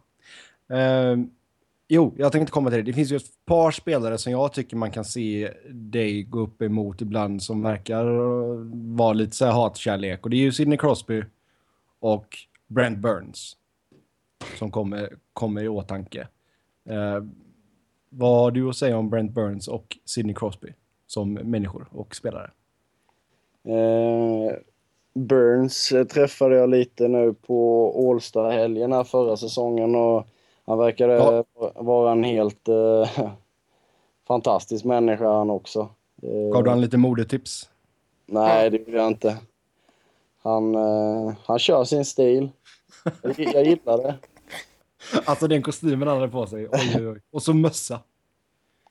Det är i och för sig coolt. Och inga tänder. Och inga tänder. Crosby Ja. Är han lika, framstår han lika gnällig som eh, alla säger att han är? Eh, utanför isen tänkte du? Ja, på. Det är väl klart att jag, jag tror att jag, många tycker att jag gnäller på isen också, men ehm, jag kan ju tycka att Crosby också gnäller lite för mycket i vissa lägen, men ehm, han är smart och ut, utnyttjar sitt namn eh, i vissa situationer, men eh, han, eh, jag tror att han, han är säkert också en jättebra kille. Jag har inte träffat han så. Nej, Fick men väl alltså, lite, jag- den fick väl lite rubrik till podden i alla fall. Nej men alltså jag menar, er, er två, ni två har ju alltså inte rykt ihop, men alltså ni har ju ut, alltså, utvecklat några välvalda ord känns det som vid ett par tillfällen. Jo, men alltså det är ju stridens hetta också. Att man spelar varje byte mot varandra och eh, antingen så blir jag frustrerad eller så blir han frustrerad. Eh, så att eh, det händer så otroligt snabbt ut så jag tror inte man tänker riktigt. Så ib- ibland så har man ju sagt saker och så tänker man själv, varför sa jag det? Man blir väl taggad på ett annat sätt när man möter de bästa också. Liksom. Jo, men så är det ju. Så om vi, om vi tittar på då, alltså förutom de här stora superstjärnorna Crosby, Malkin och sådär, vem är den svåraste spelaren att spela emot? Någon som kanske inte riktigt får den uppmärksamheten som de borde få. Bra fråga. Jag måste nog fundera lite på den. Vilka spelare, alltså tycker du det är jobbigast att- möta typ en, en så här fullfjädrad power forward eller är det jobbigare att möta en liksom en Datsuk-spelare som är omöjlig att ta pucken ifrån? Nej, men jag har nog svårast att möta en eh, sån som Zuccarello, tror jag. Som är För han är så jävla liten. Ja, men exakt. exakt. Och ändå snabb och spelskicklig. Eh, så att... Eh, nej, de, eh, det var som St. Louis. Eh, han var ju också en sån som man hade jättesvårt att få tag på. Så att det är väl den speltypen man har lite svårare för. Uh, ja, Medan du funderar på en speciell spelare då som är jobbig att möta så ska du få berätta vad du tycker om Elias Lindholm och Viktor Rask och sen även hur är det att spela i Raleigh i bortamatcherna mot Carolina. Jag antar att det är Emil som har skrivit in den här frågan. Sveriges enda Carolina-supporter. Ja. Du har ju spelat med Rask i Leksand va? Ja. Eh, och så fick Lite jag- i alla fall. Och vi spelade ju tillsammans nu i VM också. Men eh, det är ju två unga bra spelare som, eh, som kommer bli ännu bättre. Eh, de är ju redan fantastiska hockeyspelare. Bra killar vid sidan av isen. Man har skrattat mycket åt framförallt Elias som snackar först och tänker sen. Vem kommer bli bäst av dem då? Ja, jag tycker att... Eh, jag vet inte. Det är en bra fråga. Kan han inte säga det. Men jag, jag tycker båda är för, eh, jätte, jätteduktiga hockeyspelare just nu med. Eh, men jag tror att de, eh, de kommer bli ännu bättre ju mer, mer tid i ligan de får.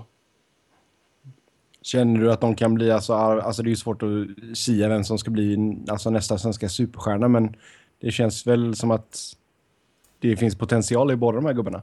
Absolut, de har ju de har ju liksom blicken för spelet och eh, skridskoåkningen också tycker jag och fysiken. Eh, Elias är väl lite mindre än Rask tror jag va?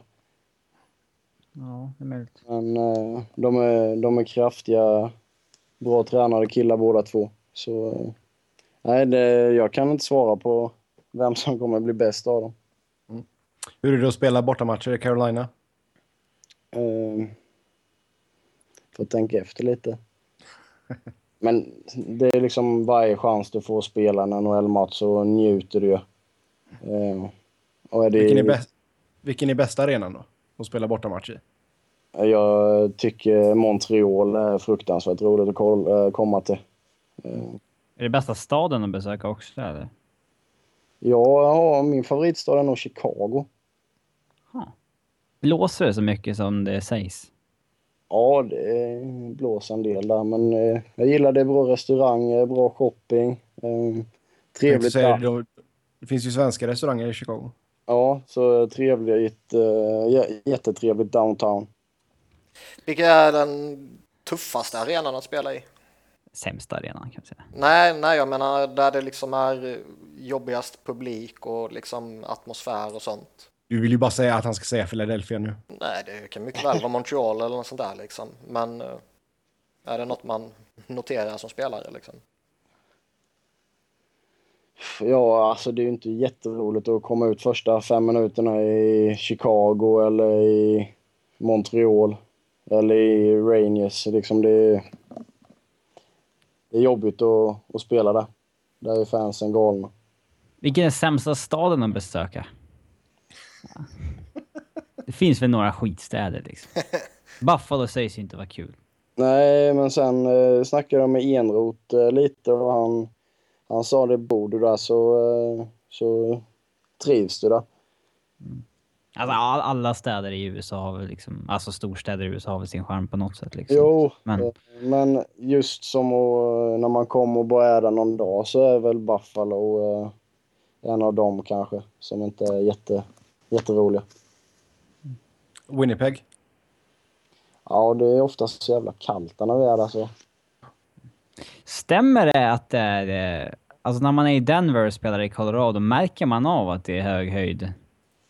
Ja, eller, eller blir du otränad på ett dygn. Det, det är det du har att välja på. Nej, man, det känner man faktiskt av. Eh, det, man får ganska korta byten när man är där och spelar. Det borde ju, det borde ju vara en större fördel än vad det är då. Ja, man kan tycka det, men sen eh, när man väl är inne i matchen så det är väl mest morgonvärmningen man tycker och man känner att man har inte det här flåset i sig riktigt.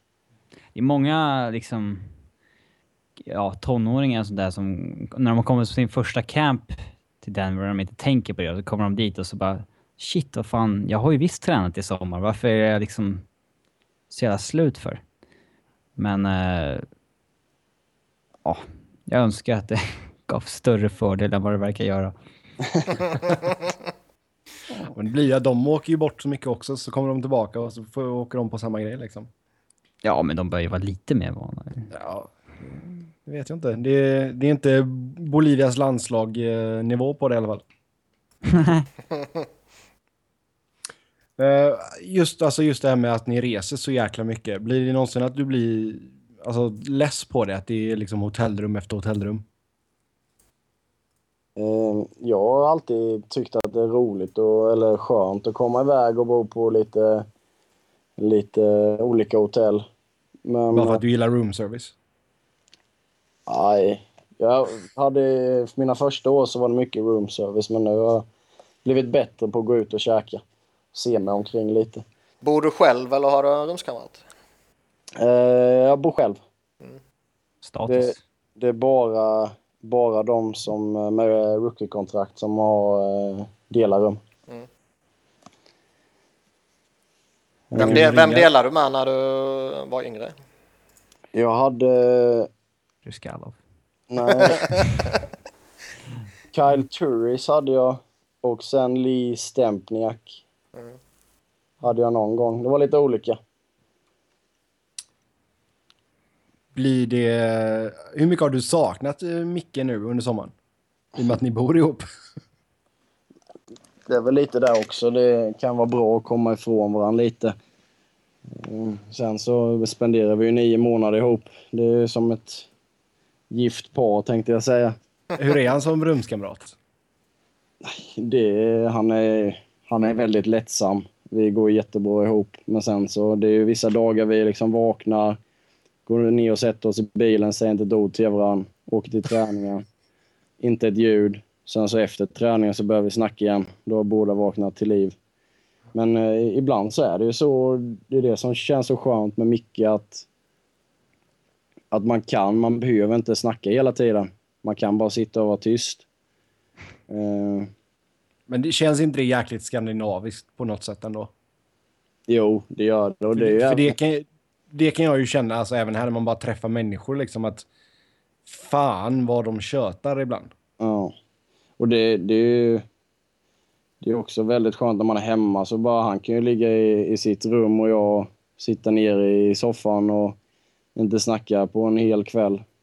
Och så syns man på morgonen igen.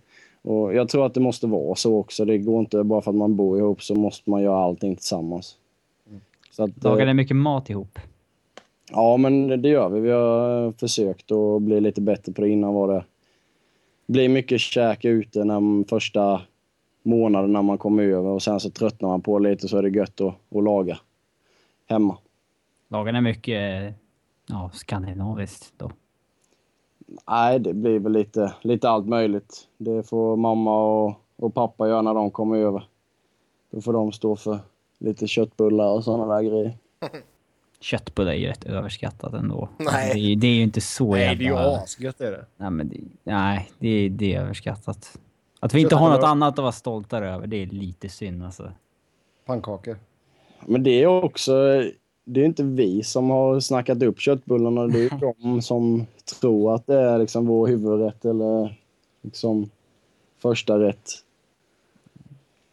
Där är Har du, nå- har du någonsin varit på middag hos någon lagkamrat och du har blivit bjuden på något konstigt?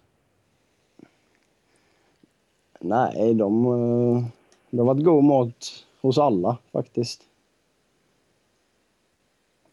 Tänkte om Brus- Brusgallo varit ute och skjutit björn eller någonting.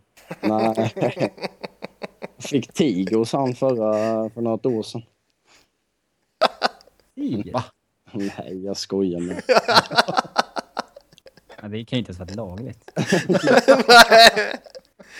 Ja, det är bra Robin. Ha, eh, har ni några fler frågor till Oliver? Eh, Sebbe bommar ju en grej eller så sket Ja. han medvetet i det. Men eh, vi som inte är inne i omklädningsrum på det sättet får ju liksom den stora insynen typ i den här 24-7 Road to Winter Classic.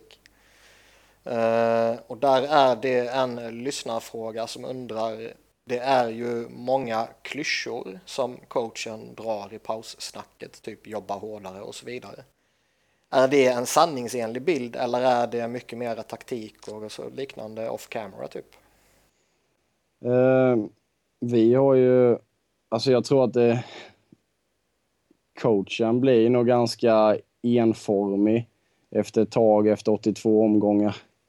Eh, han vet väl kanske inte riktigt vad, vad man ska säga, men vi har ju oftast taktikmöte innan eh, vi börjar byta om, alltså två timmar innan match. Mm. Eh, och då är det väl lite mer man går igenom hur vi ska spela mot det laget man möter och, och det tror jag kanske inte de har tagit med på, på den här Winter Classic då. Mm. Men annars så man, de säger inte så mycket i eh, periodpauserna faktiskt. Är man mottaglig med tanke på alltså man tar ju ut sig rätt hårt under perioden ju.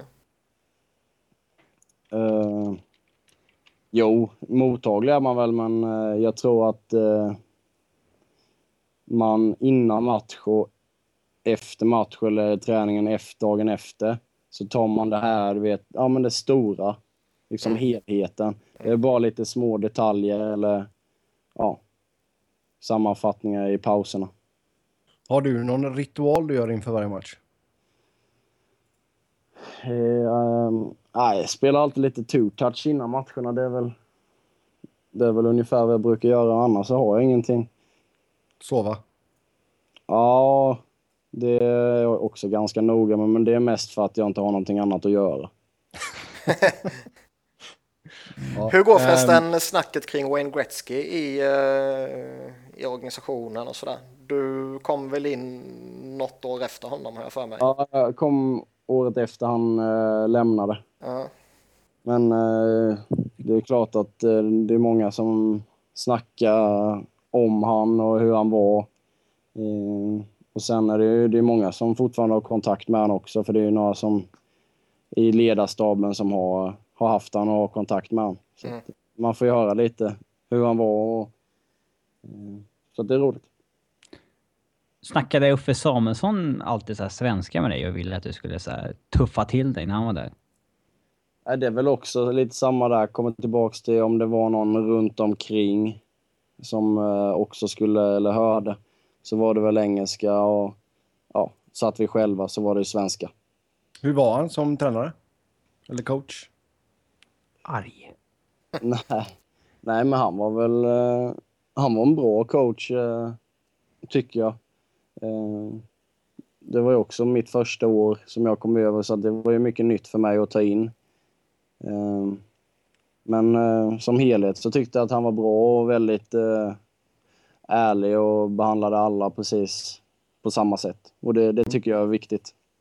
Du har ju sett lite av hans två, två av hans söner, Henrik och Filip. Eh, påminner, påminner de mycket om pappa Ulf i sättet?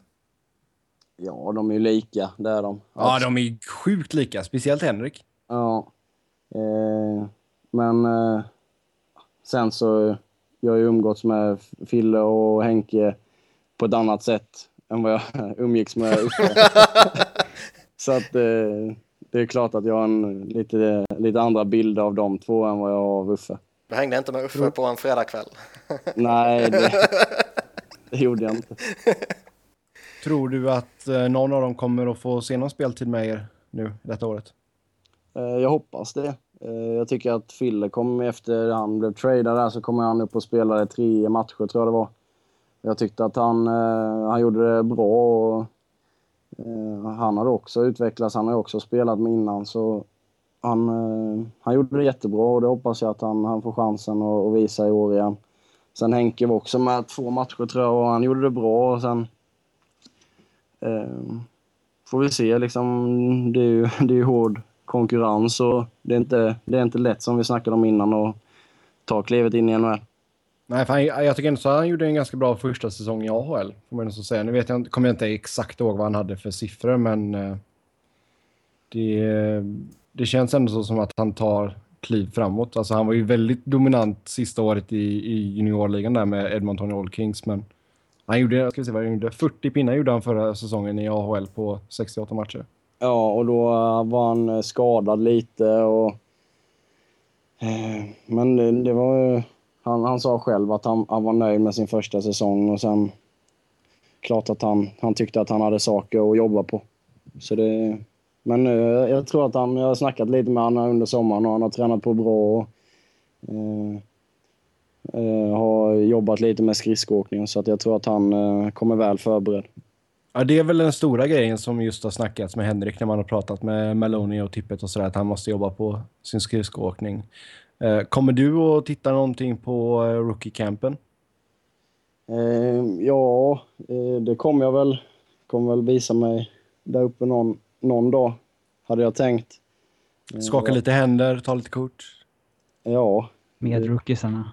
med rookiesarna. Jag åker ju över nu 30 augusti och sen så åker jag till Toronto mellan 7 och 9. Så att jag vet inte riktigt om jag hinner det. Men är jag där vid så får jag väl åka in och kolla teet.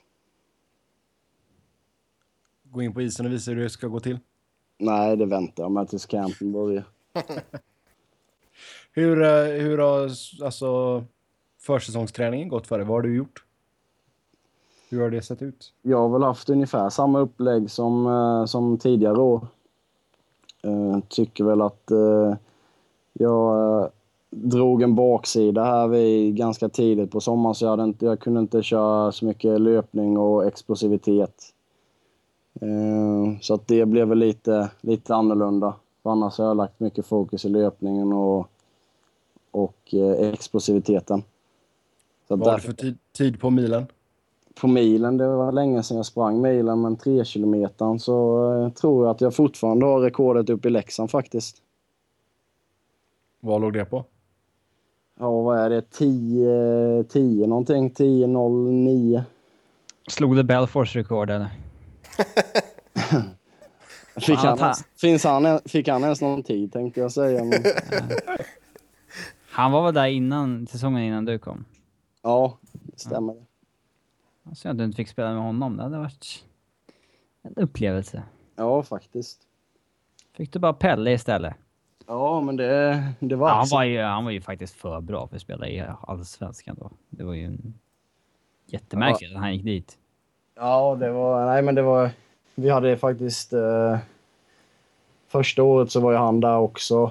Eh, vi kom ju samtidigt och sen andra året så kom ju Peter Nordström och Rodin och de... Eh, jag har ju alltid haft Färjestad som favoritlag när jag var yngre. Så det var jätteroligt att få spela med dem eh, tre där.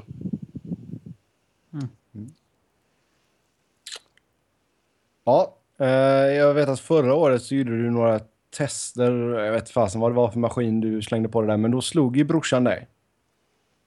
Ja. Har ni, har ni gjort något liknande i år? Nej, vi har faktiskt inte gjort det. Jag tänkte att jag skulle göra det här nu innan jag åker över. Okej. Eh, Men han har inte gjort det. Så att, eh, men det, det är bara för att inte han skulle slå mig i år igen. Hur går det för honom annars? Jo, det går bra. Han ser, ser pigg ut. De har ju tränat här nu i tre veckor är det väl. Så att, eh, Tror du det kommer gå för dem? Svårt att säga. Det, Sitter alla Tingsryd-fans på helspänn. ja, nej. Liksom de, de vann ju på straffar där över Karlskrona och sen ska man ju alltid eh, träningsmatch och träningsmatch. Eh, så det betyder ju inte jättemycket men sen är det bra att veta att man kan vara med och spela, spela mot sådana lag också som ändå är en division högre upp. Men jag tycker det ser intressant ut och jag hoppas verkligen för Tingsryds skull att det, det går bra. Ja, har vi något mer? Eh, märker man av i truppen och liksom i gruppen och så här typ den lönehierarkin som kan finnas i laget? Alltså med tanke på att eh, även om alla klubbar inte går ut officiellt med vad kontrakten ligger på så kommer det ju ut direkt liksom. Eh, är det någonting man märker av eller är det liksom sopar man det under mattan lite eller hur, hur funkar det? Nej, det är absolut ingenting. Ingen snack, snacka om det. Nej, nej, jag, men, nej, jag menar inte... Ja, jag, menar, jag menar inte man ska snacka på det sådär liksom att man sitter på frukostbordet eh, på en bortamatch och alla pratar om hur mycket de tjänar. Men eh, liksom märker man av det att man behandlas annorlunda på något sätt eller liksom? Nej, det är ingenting sånt eh, alls faktiskt. Ja, Jag skulle säga du tjänar näst mest, förlåt. Smith tjänar mer. Ja, nej. Jag behandlar ingen annorlunda för att de tjänar mindre än mig. Men, eh, Nej, nej, det var inte det jag nej, syftade nej, men på. jag bara, Nej, så att det, det är absolut ingenting sånt som försiggår. Hur är inkilningen för rookies? Gjorde de någonting speciellt när du kom in? Eh, ja, det brukar väl vara att man har en eh, team dinner som, som rookien eh, betalar för. Och, eh, så får man köpa sig en, en vinflaska eh, av det finare slaget och skriva alla på, på den i laget. Så har man den nu tills, ja, antingen så väljer man att spara den eller så dricker man upp den. Vad valde du? Drack upp den. Nej, den står, står faktiskt här hemma i Tingsryd och, och gottar till sig. Alltså, trevligt. Har du träffat Är Chris du- Pronger någonting? Nej, jag tror inte han... eh, Han har inte ens varit där liksom. nej. Jag tror eh, han kommer nog inte vara där heller, tror jag inte. Det enda som kanske måste göras det är väl att han typ måste anmäla sig första dagen för att typ bekräfta att han fortfarande är skadad. Ja, det är väl lite läkarundersökningar kanske. Ja. För det är, ja, som Philadelphia-supporter så har man ju hängt med där några år nu och eh, liksom hur, hur, hur resonerar du kring det här att man tar in en skadad spelare som varenda människa vet att han kommer inte spela en sekund. Han är bara där för att eh, fylla en, ja, fylla ut kappen liksom. Jo, nej men det är väl... Alltså, vi behövde ju det för att komma över golvet. Eh, men sen kan man ju tycka också, hade vi... Man säger att Bödker signat han till en lite längre kontrakt och kanske lite mer pengar istället för att ta in en, en spelare som han inte har någon nytta av. Det kan man ju bolla lite i luften. Eh, så att det är väl lite, lite blandade känslor när det gäller det. Han sitter ju ändå på ett, eh, för att ta sig över lönegolvet så sitter han ju på ett eh, väldigt attraktivt kontrakt där lönen är pytteliten men capiten är jättehög. Jo, och det var ju, det var ju därför vi tog han. Mm. Eh, nej, men det, det är lite sådana saker som man kanske inte förstår när man inte är där över eller har liksom inblick i det. Hur mycket snackar uh, Maloney med laget angående trades och sånt? Nej, Får ni det- sitta och rösta vem som ska bli bortbytt? Är det det du undrar eller? Öråd, exakt. Öråd. Nej, men vi får inte veta någonting förrän liksom en trade är klar eller förrän spelarna har fått reda på det. Så... Den här veckan är Oliver immun. ja, Får man nej, inte rösta på honom. nej, så att eh, vi, får inte, vi får inte reda på så mycket. Det känns lite konstigt. För jag menar, ibland kan man ju tycka att han kanske borde komma. Säga att han skulle gå efter någon som du känner väl till exempel. Att liksom, ja, vad, vad tycker du om den här spelaren och sådär. Jo, det är väl klart att så har det väl varit. Jag tänkte väl mer på alltså, från vårt lag om det är någon som ska bli bortbytt från laget. Ja, okej. Eh, Men eh, det är väl klart att känner man till någon spelare som är på ingång eller som de funderar på att trada för så är det klart att han kanske kommer och frågar ja, men, eh, hur är den här killen eh, vid sidan av isen eller något sånt. Det var du som gav grönt ljus för John Scott då. Jajamän. Jag sa det, jag vill inte möta jag vill spela med. Men så här, Anders Lindbäck till exempel, som ni signade upp från Free Agency, då, då bör väl liksom Maloney fråga om det är någon du känner liksom? Nej, det fick jag faktiskt inte. Ja. Jag fick, jag fick av... eh, De frågade mig om Rumblad när, han, eh, när de var lite intresserade utav han. Ja, David gick det inte så jättebra för hos er i alla fall. Nej, sen så vann han Stanley Cup i år. Ja, Jag såg han träna häromdagen, ser jättevass ut.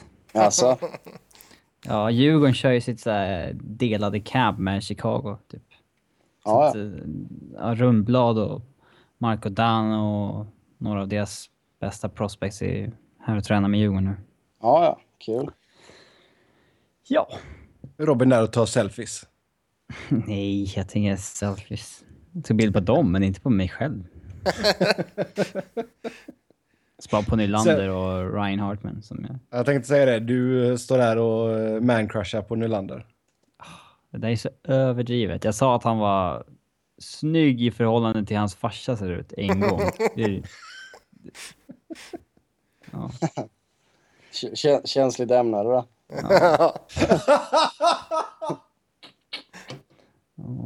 Jag försökte få hans lillebror Alexander att lova att han inte skulle spela AIK nästa år i alla fall, men det vill han inte.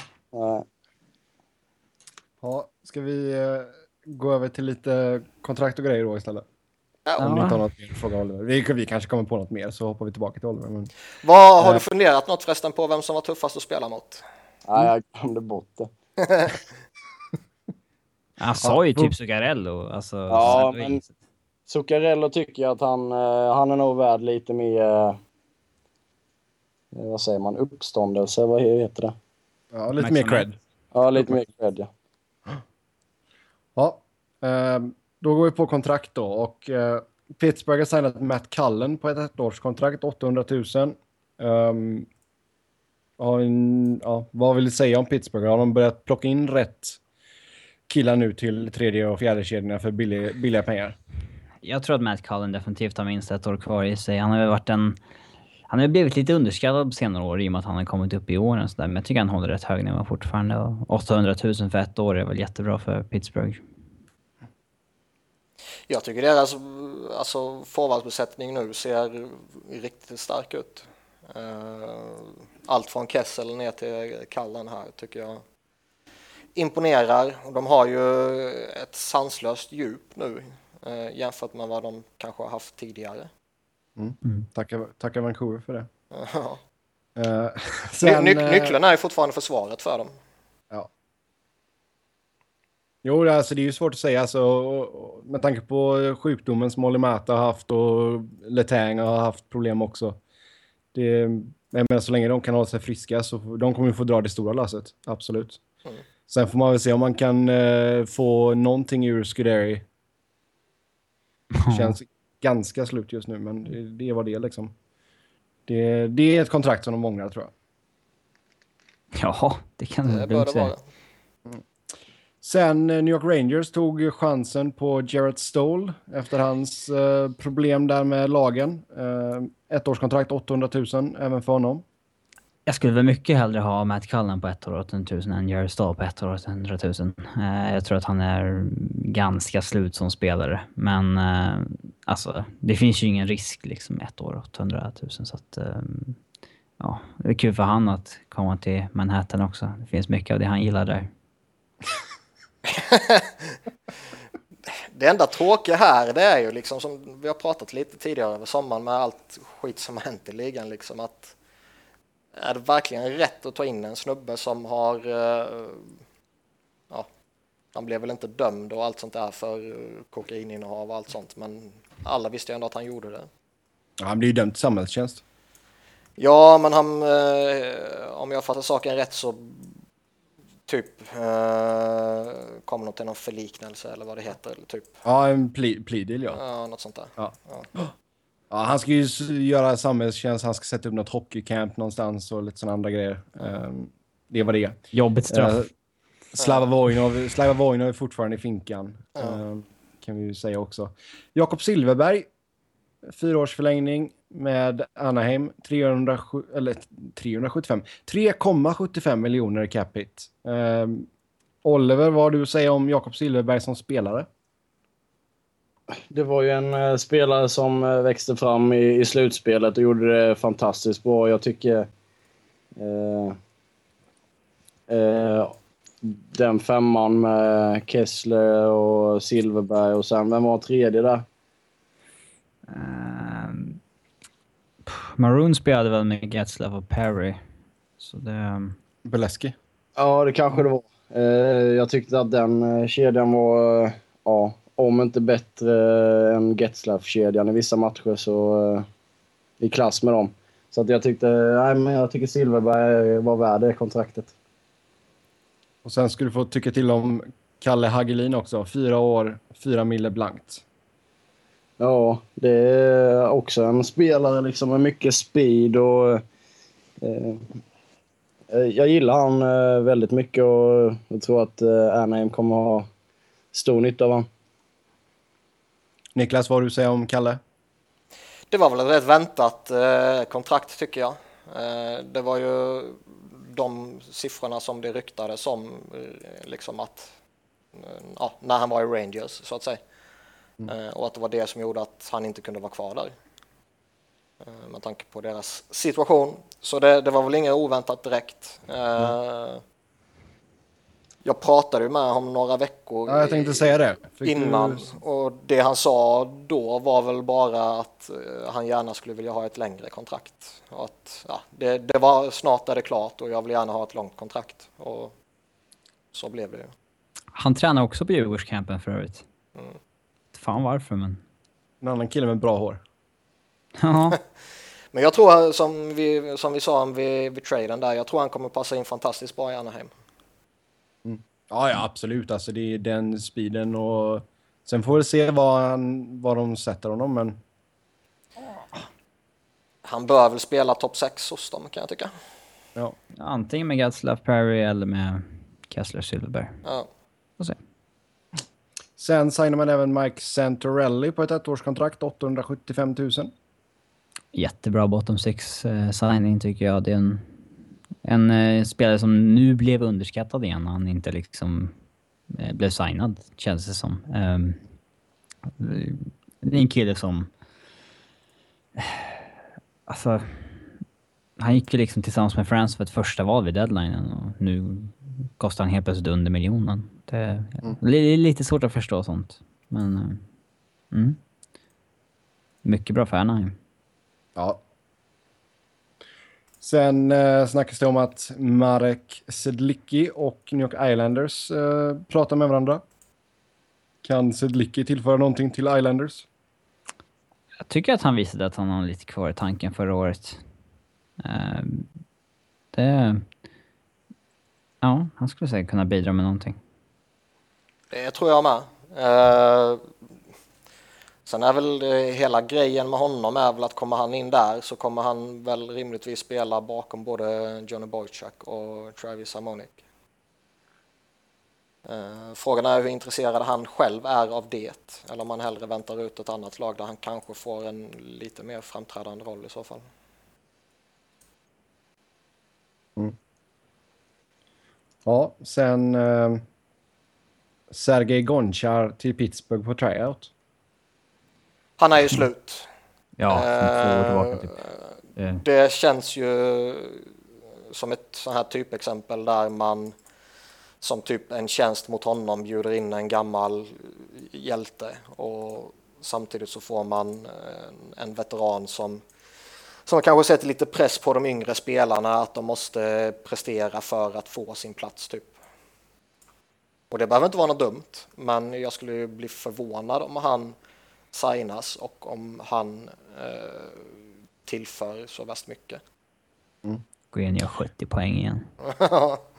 ja, det är väl tveksamt. Men alltså just det här med att ta in spelare på tryout, Oliver, jag vet att ni hade ju några förra året. Hur, alltså, ser man att de är extra taggade eller påverkar i gruppen någonting när man har killar som är på tryout-kontrakt? Ja, men det är klart att det gör och de är ju där för att liksom skaffa sig ett jobb. Eh, och det märker man ju på, på spelare som kanske inte har en plats i laget, att de höjer sig också. Så att på så sätt så får man ju bättre kvalitet och eh, lite mer tävling på träningarna. Så slipper väl du spela lite så här försäsongsmatcher och sånt där när de är med? För det är ju... Eh, det finns ju såna här regler om att man, man måste, måste ha vissa veteraner. Ja. ja, med. Och då... Ju fler sådana, desto fler sådana som du kan vila. Jo, eh, så är det väl lite, men eh, man vill ju spela, komma igång innan säsongen börjar och det var väl lite det jag hade problem med. Jag spelade en försäsongsmatch och det var sista. Hade jättegärna spelat kanske två till innan dess. Eh, så det tog lite längre tid att komma igång. Men nu var det, för, det var för, förra året du hade strul med passet? Eh, japp. Kul att du tog upp det. Igen. Ja. Jag kände verkligen han bara... "Åh." Fick du inget så här provisoriskt pass, så här rosa typ? Jo, jag fick ju ta det sen, men jag, jag kom ju på det väldigt sent att man kunde göra så, eller rättare sagt jag, eh, mamma sa att man kunde göra så. Det hade inte jag koll på, vilket kanske jag skulle haft. För mina pass var ju, de var ju liksom ivägskickade och skulle få ett visum i. Mm. Eh, Så att, men det löste sig ändå. Jag blev bara fyra dagar sen. Ja, jäklar vilken... Då blir det uppståndelse. Med, media frenzy i Arizona. All PR är bra PR. Ja, det är sant. Ja. Ja. Eh, sen ryktas det att Ilja Nikulin vill lämna KHL för NHL. Eh, Robin, du som är vår Rysslandsexpert. Han blir ju sparkad som Rysslandsexpert ju. Ja, men det, vem ska ta över? Du eller jag då, eller? Eh, Ja, Oliver. Han har väl mött Nikulin lite? Ja. Måste han ha gjort. Ja, någon gång. En, en ryss i mängden kanske. Mest. Ja, det är svårt Men känns det inte, känns det inte lite alltså, sent att... Alltså, Alltså han är ju bara 33 år så det går väl inte att skriva av honom. Sen samtidigt så skulle det här varit för fyra, fem år sedan. Då skulle jag varit toktaggad. ja.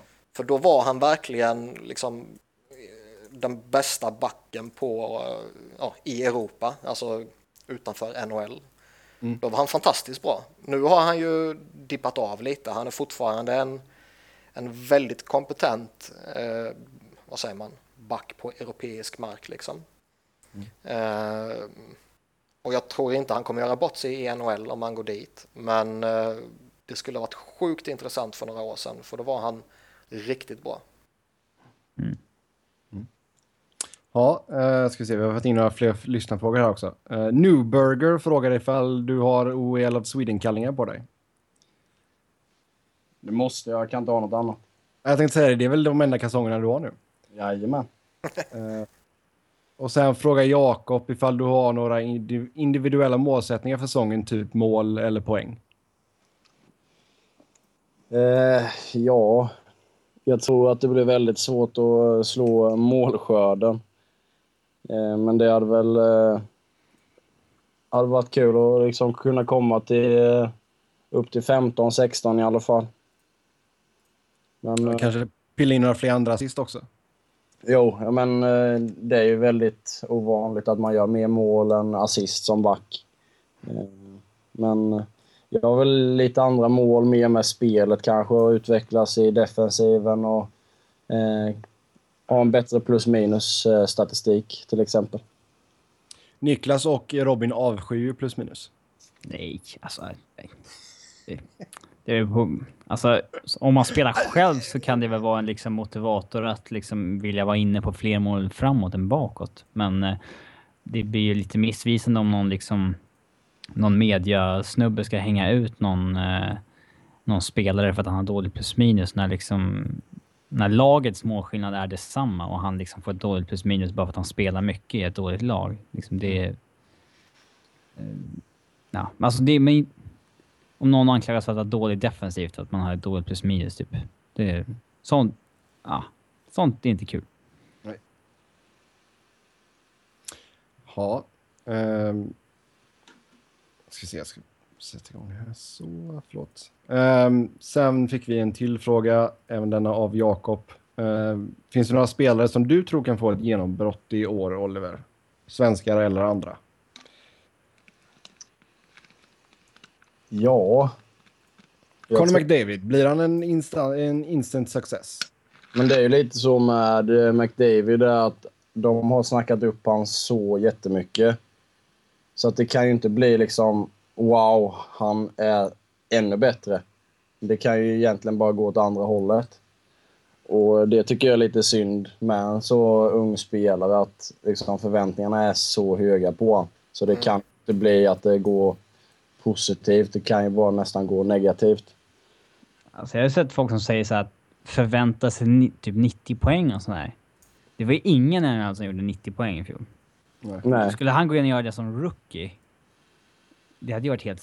Det hade ju varit alltså största prestationen i NHL på Alltså hur lång tid som helst. Ja, Eh, nej. Men det är ändå där någonstans förväntningarna ligger. Jo, men det är lite det jag menar. Att, eh, ja, Ja. gör gör han 50-60 poäng så är det ju bra. ja. Då, då är det folk som kommer vara missnöjda. Han har följt mig på Twitter för övrigt. Alltså, Då är han, du vet, han är en sån som söker på sitt eget namn tydligen. För att han... du vet när man kommer åt den där blåa följknappen till höger ibland. Eh, på Ja. vissa tweets. Det, det var ju så han gjorde. Jag hade skrivit någon tweet om honom så hade han eh, eh, förmodligen då sökt på sitt eget namn och kommit åt den. Eh, jag ångrar bara att jag inte skickade en selfie på mig själv till honom typ i DM eller någonting. Aj. nu fick jag liksom, ja, väntade jag på att han naturligt skulle avfölja. Men Conor McDavid föl- följde dig på Twitter i typ fem minuter. Ja, tills jag skrev en tweet. Han skrev, vem fan är det här liksom? Ja. ja. Men jag borde skickat en selfie. Det hade varit mycket... Fan. Det är det, jag- typ det jag ångrar mest i hela livet. Eh, nu ska Niklas få raljera om eh, Daniel Breer som har bestämt sig för att lägga skridskorna på hyllan. Heter han Daniel igen nu? Han är alltid Danny. Okej. Han var Danny i Philadelphia. Daniel när han spelade i... Eh, Montreal. ja. Kul. Take it away Niklas. Eh, nej, men han är ju givetvis stor för mig. Eh, och det tror jag väl att alla eh, Philadelphia-supportrar eh, mer eller mindre tycker. Och jag tror väl att väldigt många Buffalo-supportrar tycker det också. Och Phoenix-supportrar. Eh, ja, det var väl... Eh, Han snackade i fjol om att han gärna skulle flytta tillbaka till Phoenix. Alltså spela där. Det var- Men det, det, han pikade ju inte förrän han hade lämnat ju, även om han hade någon riktigt bra säsong där också. Mm. Men det var ju först i Buffalo som han pikade och eh, det följde med in i Philadelphia. Och jag menar, de sista tio åren så är han ju utan tvekan en av ligans bästa playoff performers. Alltså sl- slår man ut hans eh, slutspelssiffror eh, så liksom är han ju bland de största om man räknar ja, liksom minst 100 matcher så är han ju topp 20 i, i målsnitt och han är eh, topp 30 i poängsnitt liksom. Kring eh, Fedorov och Foppa och Brett Hull och Par mil före- och alla sådana här liksom. par mil för Jonathan Taves. Mm. Så jag menar han eh, han är ju givetvis för mig en stor spelare. Eh, Jag var inte jätteimponerad i Colorado förra året. Eh, Nej, han var ju rätt värdelös. Men Han, borde, liksom han, de, borde ha, de, han borde ha slutat när han blev köpt av Philly egentligen. Ja, typ. Men eh, han gjorde några sjuka slutspelsprestationer både för Sabres och Flyers. Och eh, det är väl det man tar med sig. Sen är det ju alltid fascinerande det här med en spelare som eh, alltså många stunder under grundserien i Philadelphia så kunde han ju se rätt medioker ut. Men så var han ett jävla monster i slutspelet liksom. Det är ju alltid fascinerande och jag vet inte vad om Oliver kan liksom eh, dra det vidare på någonting, hur, hur det kan vara så. Nej, men det, det ser man väl på eh, alltså, Taves och de här stora spelarna att de hittar ju lite extra kraft när det väl blir slutspel. Eh, Är det bara en motivationsfaktor liksom? jag tror det har ganska mycket med vilket psyke du har också. Och eh, vissa spelare gillar att hamna lite under press eller Sen finns det ju spelare som inte kan hantera pressen och eh, jag tror att Breer han var en sån som ja, tände till lite extra när det väl gällde. Hur var han att spela mot? Men han var ju fruktansvärt skicklig. Eh, För att var- vara så liten som han var så var han ju svår att knuffa undan liksom. Ja, när man täckte ju puck fruktansvärt bra, eh, bra spelsinne, bra skott. Så att det, det, det är klart en spelare man, när man mötte han att man hade liksom ett extra öga på. Mm. Ja, vill du säga något mer om Breer? Eh, nej, egentligen inte. Eh, förbannat synd att han inte lyckades vinna 2010. Ja. Ja, en annan spelare som har bestämt sig för att sluta det är Sami Salo. Eh, Robin, nu får du eh, sjunga lovsång till Salo. ja, du. Han eh, sköt hårt. Han Eh, sköt hårt. Han har inte spelat på ett år, så jag vet inte varför han slutar nu. Men... ja. Det är du, det är, han är ju Frölunda-pojk. Jaha. Det, det tråkiga med honom är ju alla skadeproblemen. Skulle inte han haft så skadeproblem så tror jag han skulle, hans namn skulle varit jätterespektfullt liksom. Ja, nu spelade han ju... Alltså, han, även de åren han spelade mycket så spelade han ju aldrig, nästan aldrig, närheten av 82 matcher. Alltså det, det, sådana saker är tråkiga för det, man märkte ju när han var i sin prime att det var en riktigt skicklig back liksom. Som du sa, förbannat bra skott. Mm. Ja. Sju, sju poäng på 14 flu- slutspelsmatcher med Frölunda. Ja. Det är ingen som bryr sig om Frölunda. Ja, men det var ju det bästa året i SHL någonsin. Och Frölunda vann. Så därför är det det bästa laget i SHLs historia. Det var ju lite fuskartat. Alltså... hämta hem Alfredsson till slutspel och sånt där. Det var ju liksom... Smart tänkt. Ja, kan man väl inte säga. Det, men, ja. Jag vet, vi kommer inte komma överens om det här Robin. Det är lugnt. Du är Djurgårdspojk, jag gillar Frölunda och Blåvitt. Och Malmö tydligen. Nej, jag gillar svensk fotboll. Det är vad det handlar om. Men det är som sagt, det kan vi ta i eftersnacket. Um, det var någonting mer vi skulle... Där har vi kör, körschemat. Ja, Patrick Kane var det ja. Ja, den lilla pucken ska vi ta beslut. Den, den lilla pucken. Ehm, ja, Niklas, drar du backstoryn där? Eh, Har inte, har inte vi dra, har inte lagt första, första stenen i den här sagan? Jag tror inte vi har pratat Kane. Okej. Men eh, det som det snackas om är ju att eh, en tjej har eh, anmält eh, att hon blev våldtagen i, eh, i hans hem. Eh, och han är ju under utredningen där såklart. Och nu, nu ska man väl inte inte för att jag vill vara så värst PK, vilket jag tycker att jag sällan bryr mig om att vara, men i sådana här fall ska man väl ta det rätt försiktigt med eh, vad man säger och slänger runt omkring och allt sånt här, för det kan ju... Alltså sådana här grejer kan ju vara precis vad som helst ju. Det man kan konstatera är ju att Patrick Kane eh, redan innan det här eh, skedde, eller om ja, påstås ha skett, är ju att han verkar vara ett svin ut i fingerspetsarna.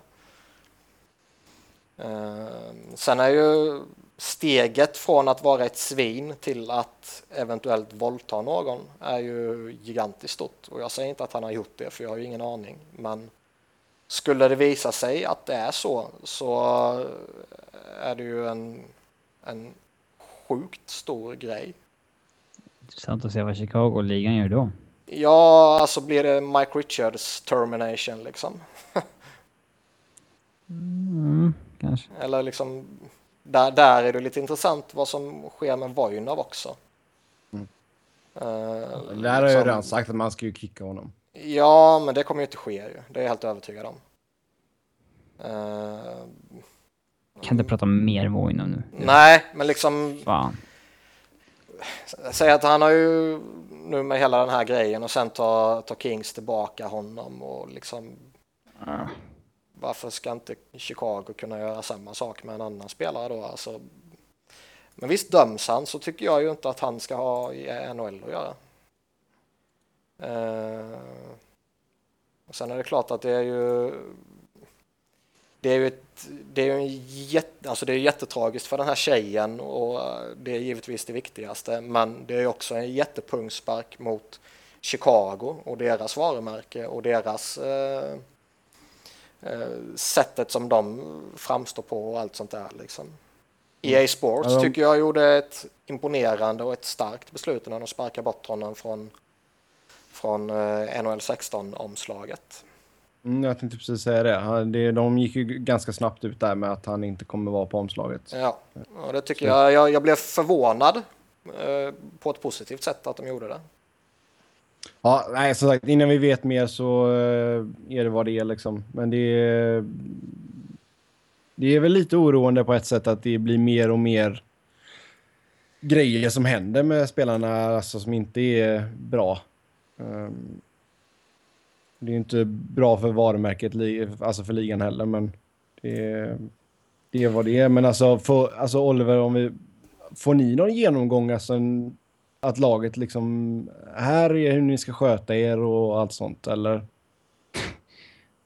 Jo, alltså vi har ju, vi har ju sådana här möten innan säsongen. Eh, vad man ska tänka på. Eh, liksom, det är väl framförallt med Twitter, Instagram. Ja. Eh, det är väl framförallt Facebook och sådana där grejer som vi går igenom. Vad man ska tänka på. Har de bett dig ta bort någon tweet någon gång? Nej, jag tweetar inte så mycket. Men sen alltså har inte ni alltså även typ tillgång till, för jag tänkte liksom typ om vi kollar Ryan O'Reilly som åker fast för liksom fyllekörning liksom. Har inte ni så ni bara kan ringa någon? Alltså det är väl mer för att man ska ta hand om det så snabbt som möjligt. Eh, men eh, det är ju inte så att man kan få det ogjort för att man har... Nej, men alltså jag, nej, nej, alltså jag menar alltså att ni, att ni kan ringa, hej jag behöver en bil till den här liksom adressen. Jo, alltså det, vi har ju... Eh, jo, men det är ju som att ringa en taxi. Stort sett. Mm, nej, det är synd att folk inte kan sköta sig. Är, som sagt, men det, det vad det. Uh, ska se, jag tyckte vi fick in någon mer fråga. Jakob frågar, han frågar bra med frågor här, Jakob. Uh, ha, eller nej, Filip är det som frågar. Han frågar, vem i Caps trashtalkar mest? Och kan du, kan du tänka dig att gå till Capitals?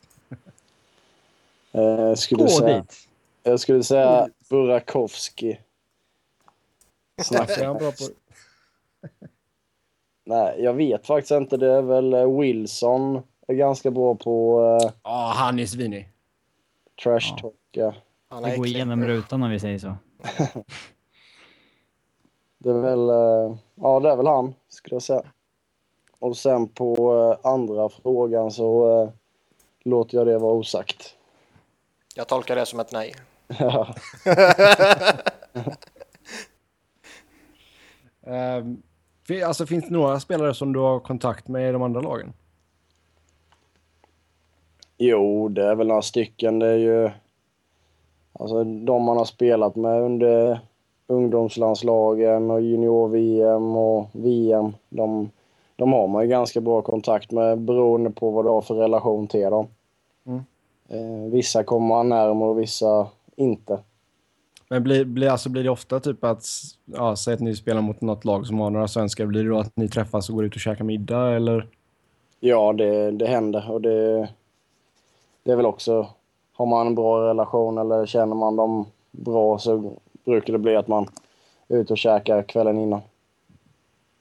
Inte svårt att ställa om då? Nej, det är det inte. Vem är... Jag tänker på Eddie mest. Nej, inte vem käkar som käkar mest, men jag tänkte just, eh, alltså Eddie Leck är ju, framstår ju som en ganska skön och flummig person på sociala medier. Är, är han lika skön och flummig? Han känner du väl också från Leksand? Ja, eh, han är väl eh, också målvakt. Ja, genomgående tema här. Han är Bruskalov light alltså. Eh, nej, men han, är- han är väl som han är liksom på sociala medier. Djurgårdare också? Är han det? Jag tror det. Ja, det är, det är Han är fostrad i Djurgården i alla fall. Han är AIK-are. Nej, säg inte sånt där. Det, det, Nu gör du Robin ledsen då. Oliver. Nej, jag, det ska jag låta vara osagt. Men eh, han, är, han är en bra, bra kille och vi uh, umgicks jättemycket när vi spelade tillsammans i Leksand. Ja. Har vi något annat på tapeten? Har ni några fler frågor till Oliver?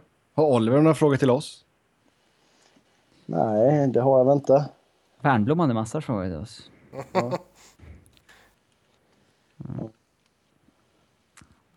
Nej, jag tycker vi har betat av rätt mycket intressant faktiskt. Har jag det så frågar jag Seb efter.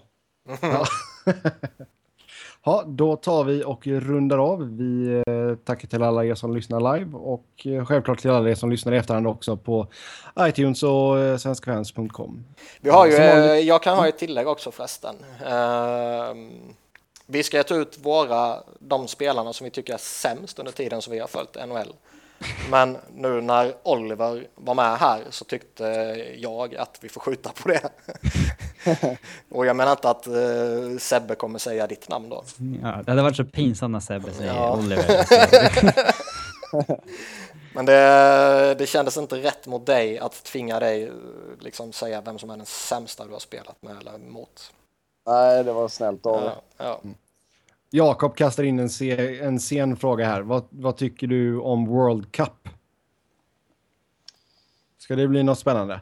Ja, det ska bli jätteroligt och eh, särskilt när det är i Kanada. Eh, Det kommer, jag tror att det kommer bli jättestort eh, drag och väldigt stort, eh, mycket snack om det. Så det ska bli jättekul. är du säker på en som- plats eller? Det är ju hård konkurrens om de svenska backplatserna. Alltså. Ja, nej, men det såg man ju bara på OS att eh, man ställer en sån som Victor Hedman utanför. Det, det visar ju vilken eh, tuff konkurrens det är. Och, eh, men eh, det är ju det är denna säsongen som är lite avgörande hur det kommer se ut. Och det är också ett mål att, att få, få vara med och spela där. Det hade ju varit jätteroligt. Vad, vad, tror, vad tycker du om att det ligger förresten i september? Eh, ja, men det, det är som det är lika för alla spelare. Man har inte varit så jättemycket på is och det, det blir väldigt tidigt. Eh, men samtidigt så eh, kommer man med så eh, missar man ju training campen så det är ju något positivt också. Men känns det bättre att ha det upplägget än typ som OS då, att man pausar mitt i? Ja, men jag, jag, jag, det tycker jag. Det tycker jag absolut. Mm, bra fråga där av Jakob, sent. Men eh, då säger vi tack och hej för den här veckan. Som vanligt så går det bra att köta hockey med oss via Twitter. Mig hittar ni på att Noren. Niklas hittar ni på att Niklas Wiberg. Robin hittar ni på R underscore Fredriksson. Och Oliver hittar ni på OEL understreck 23. Så tills nästa gång, ha det gött. Och jättestort tack till Oliver för att du var med. Ja, tack så jättemycket. Ha det gott, hej!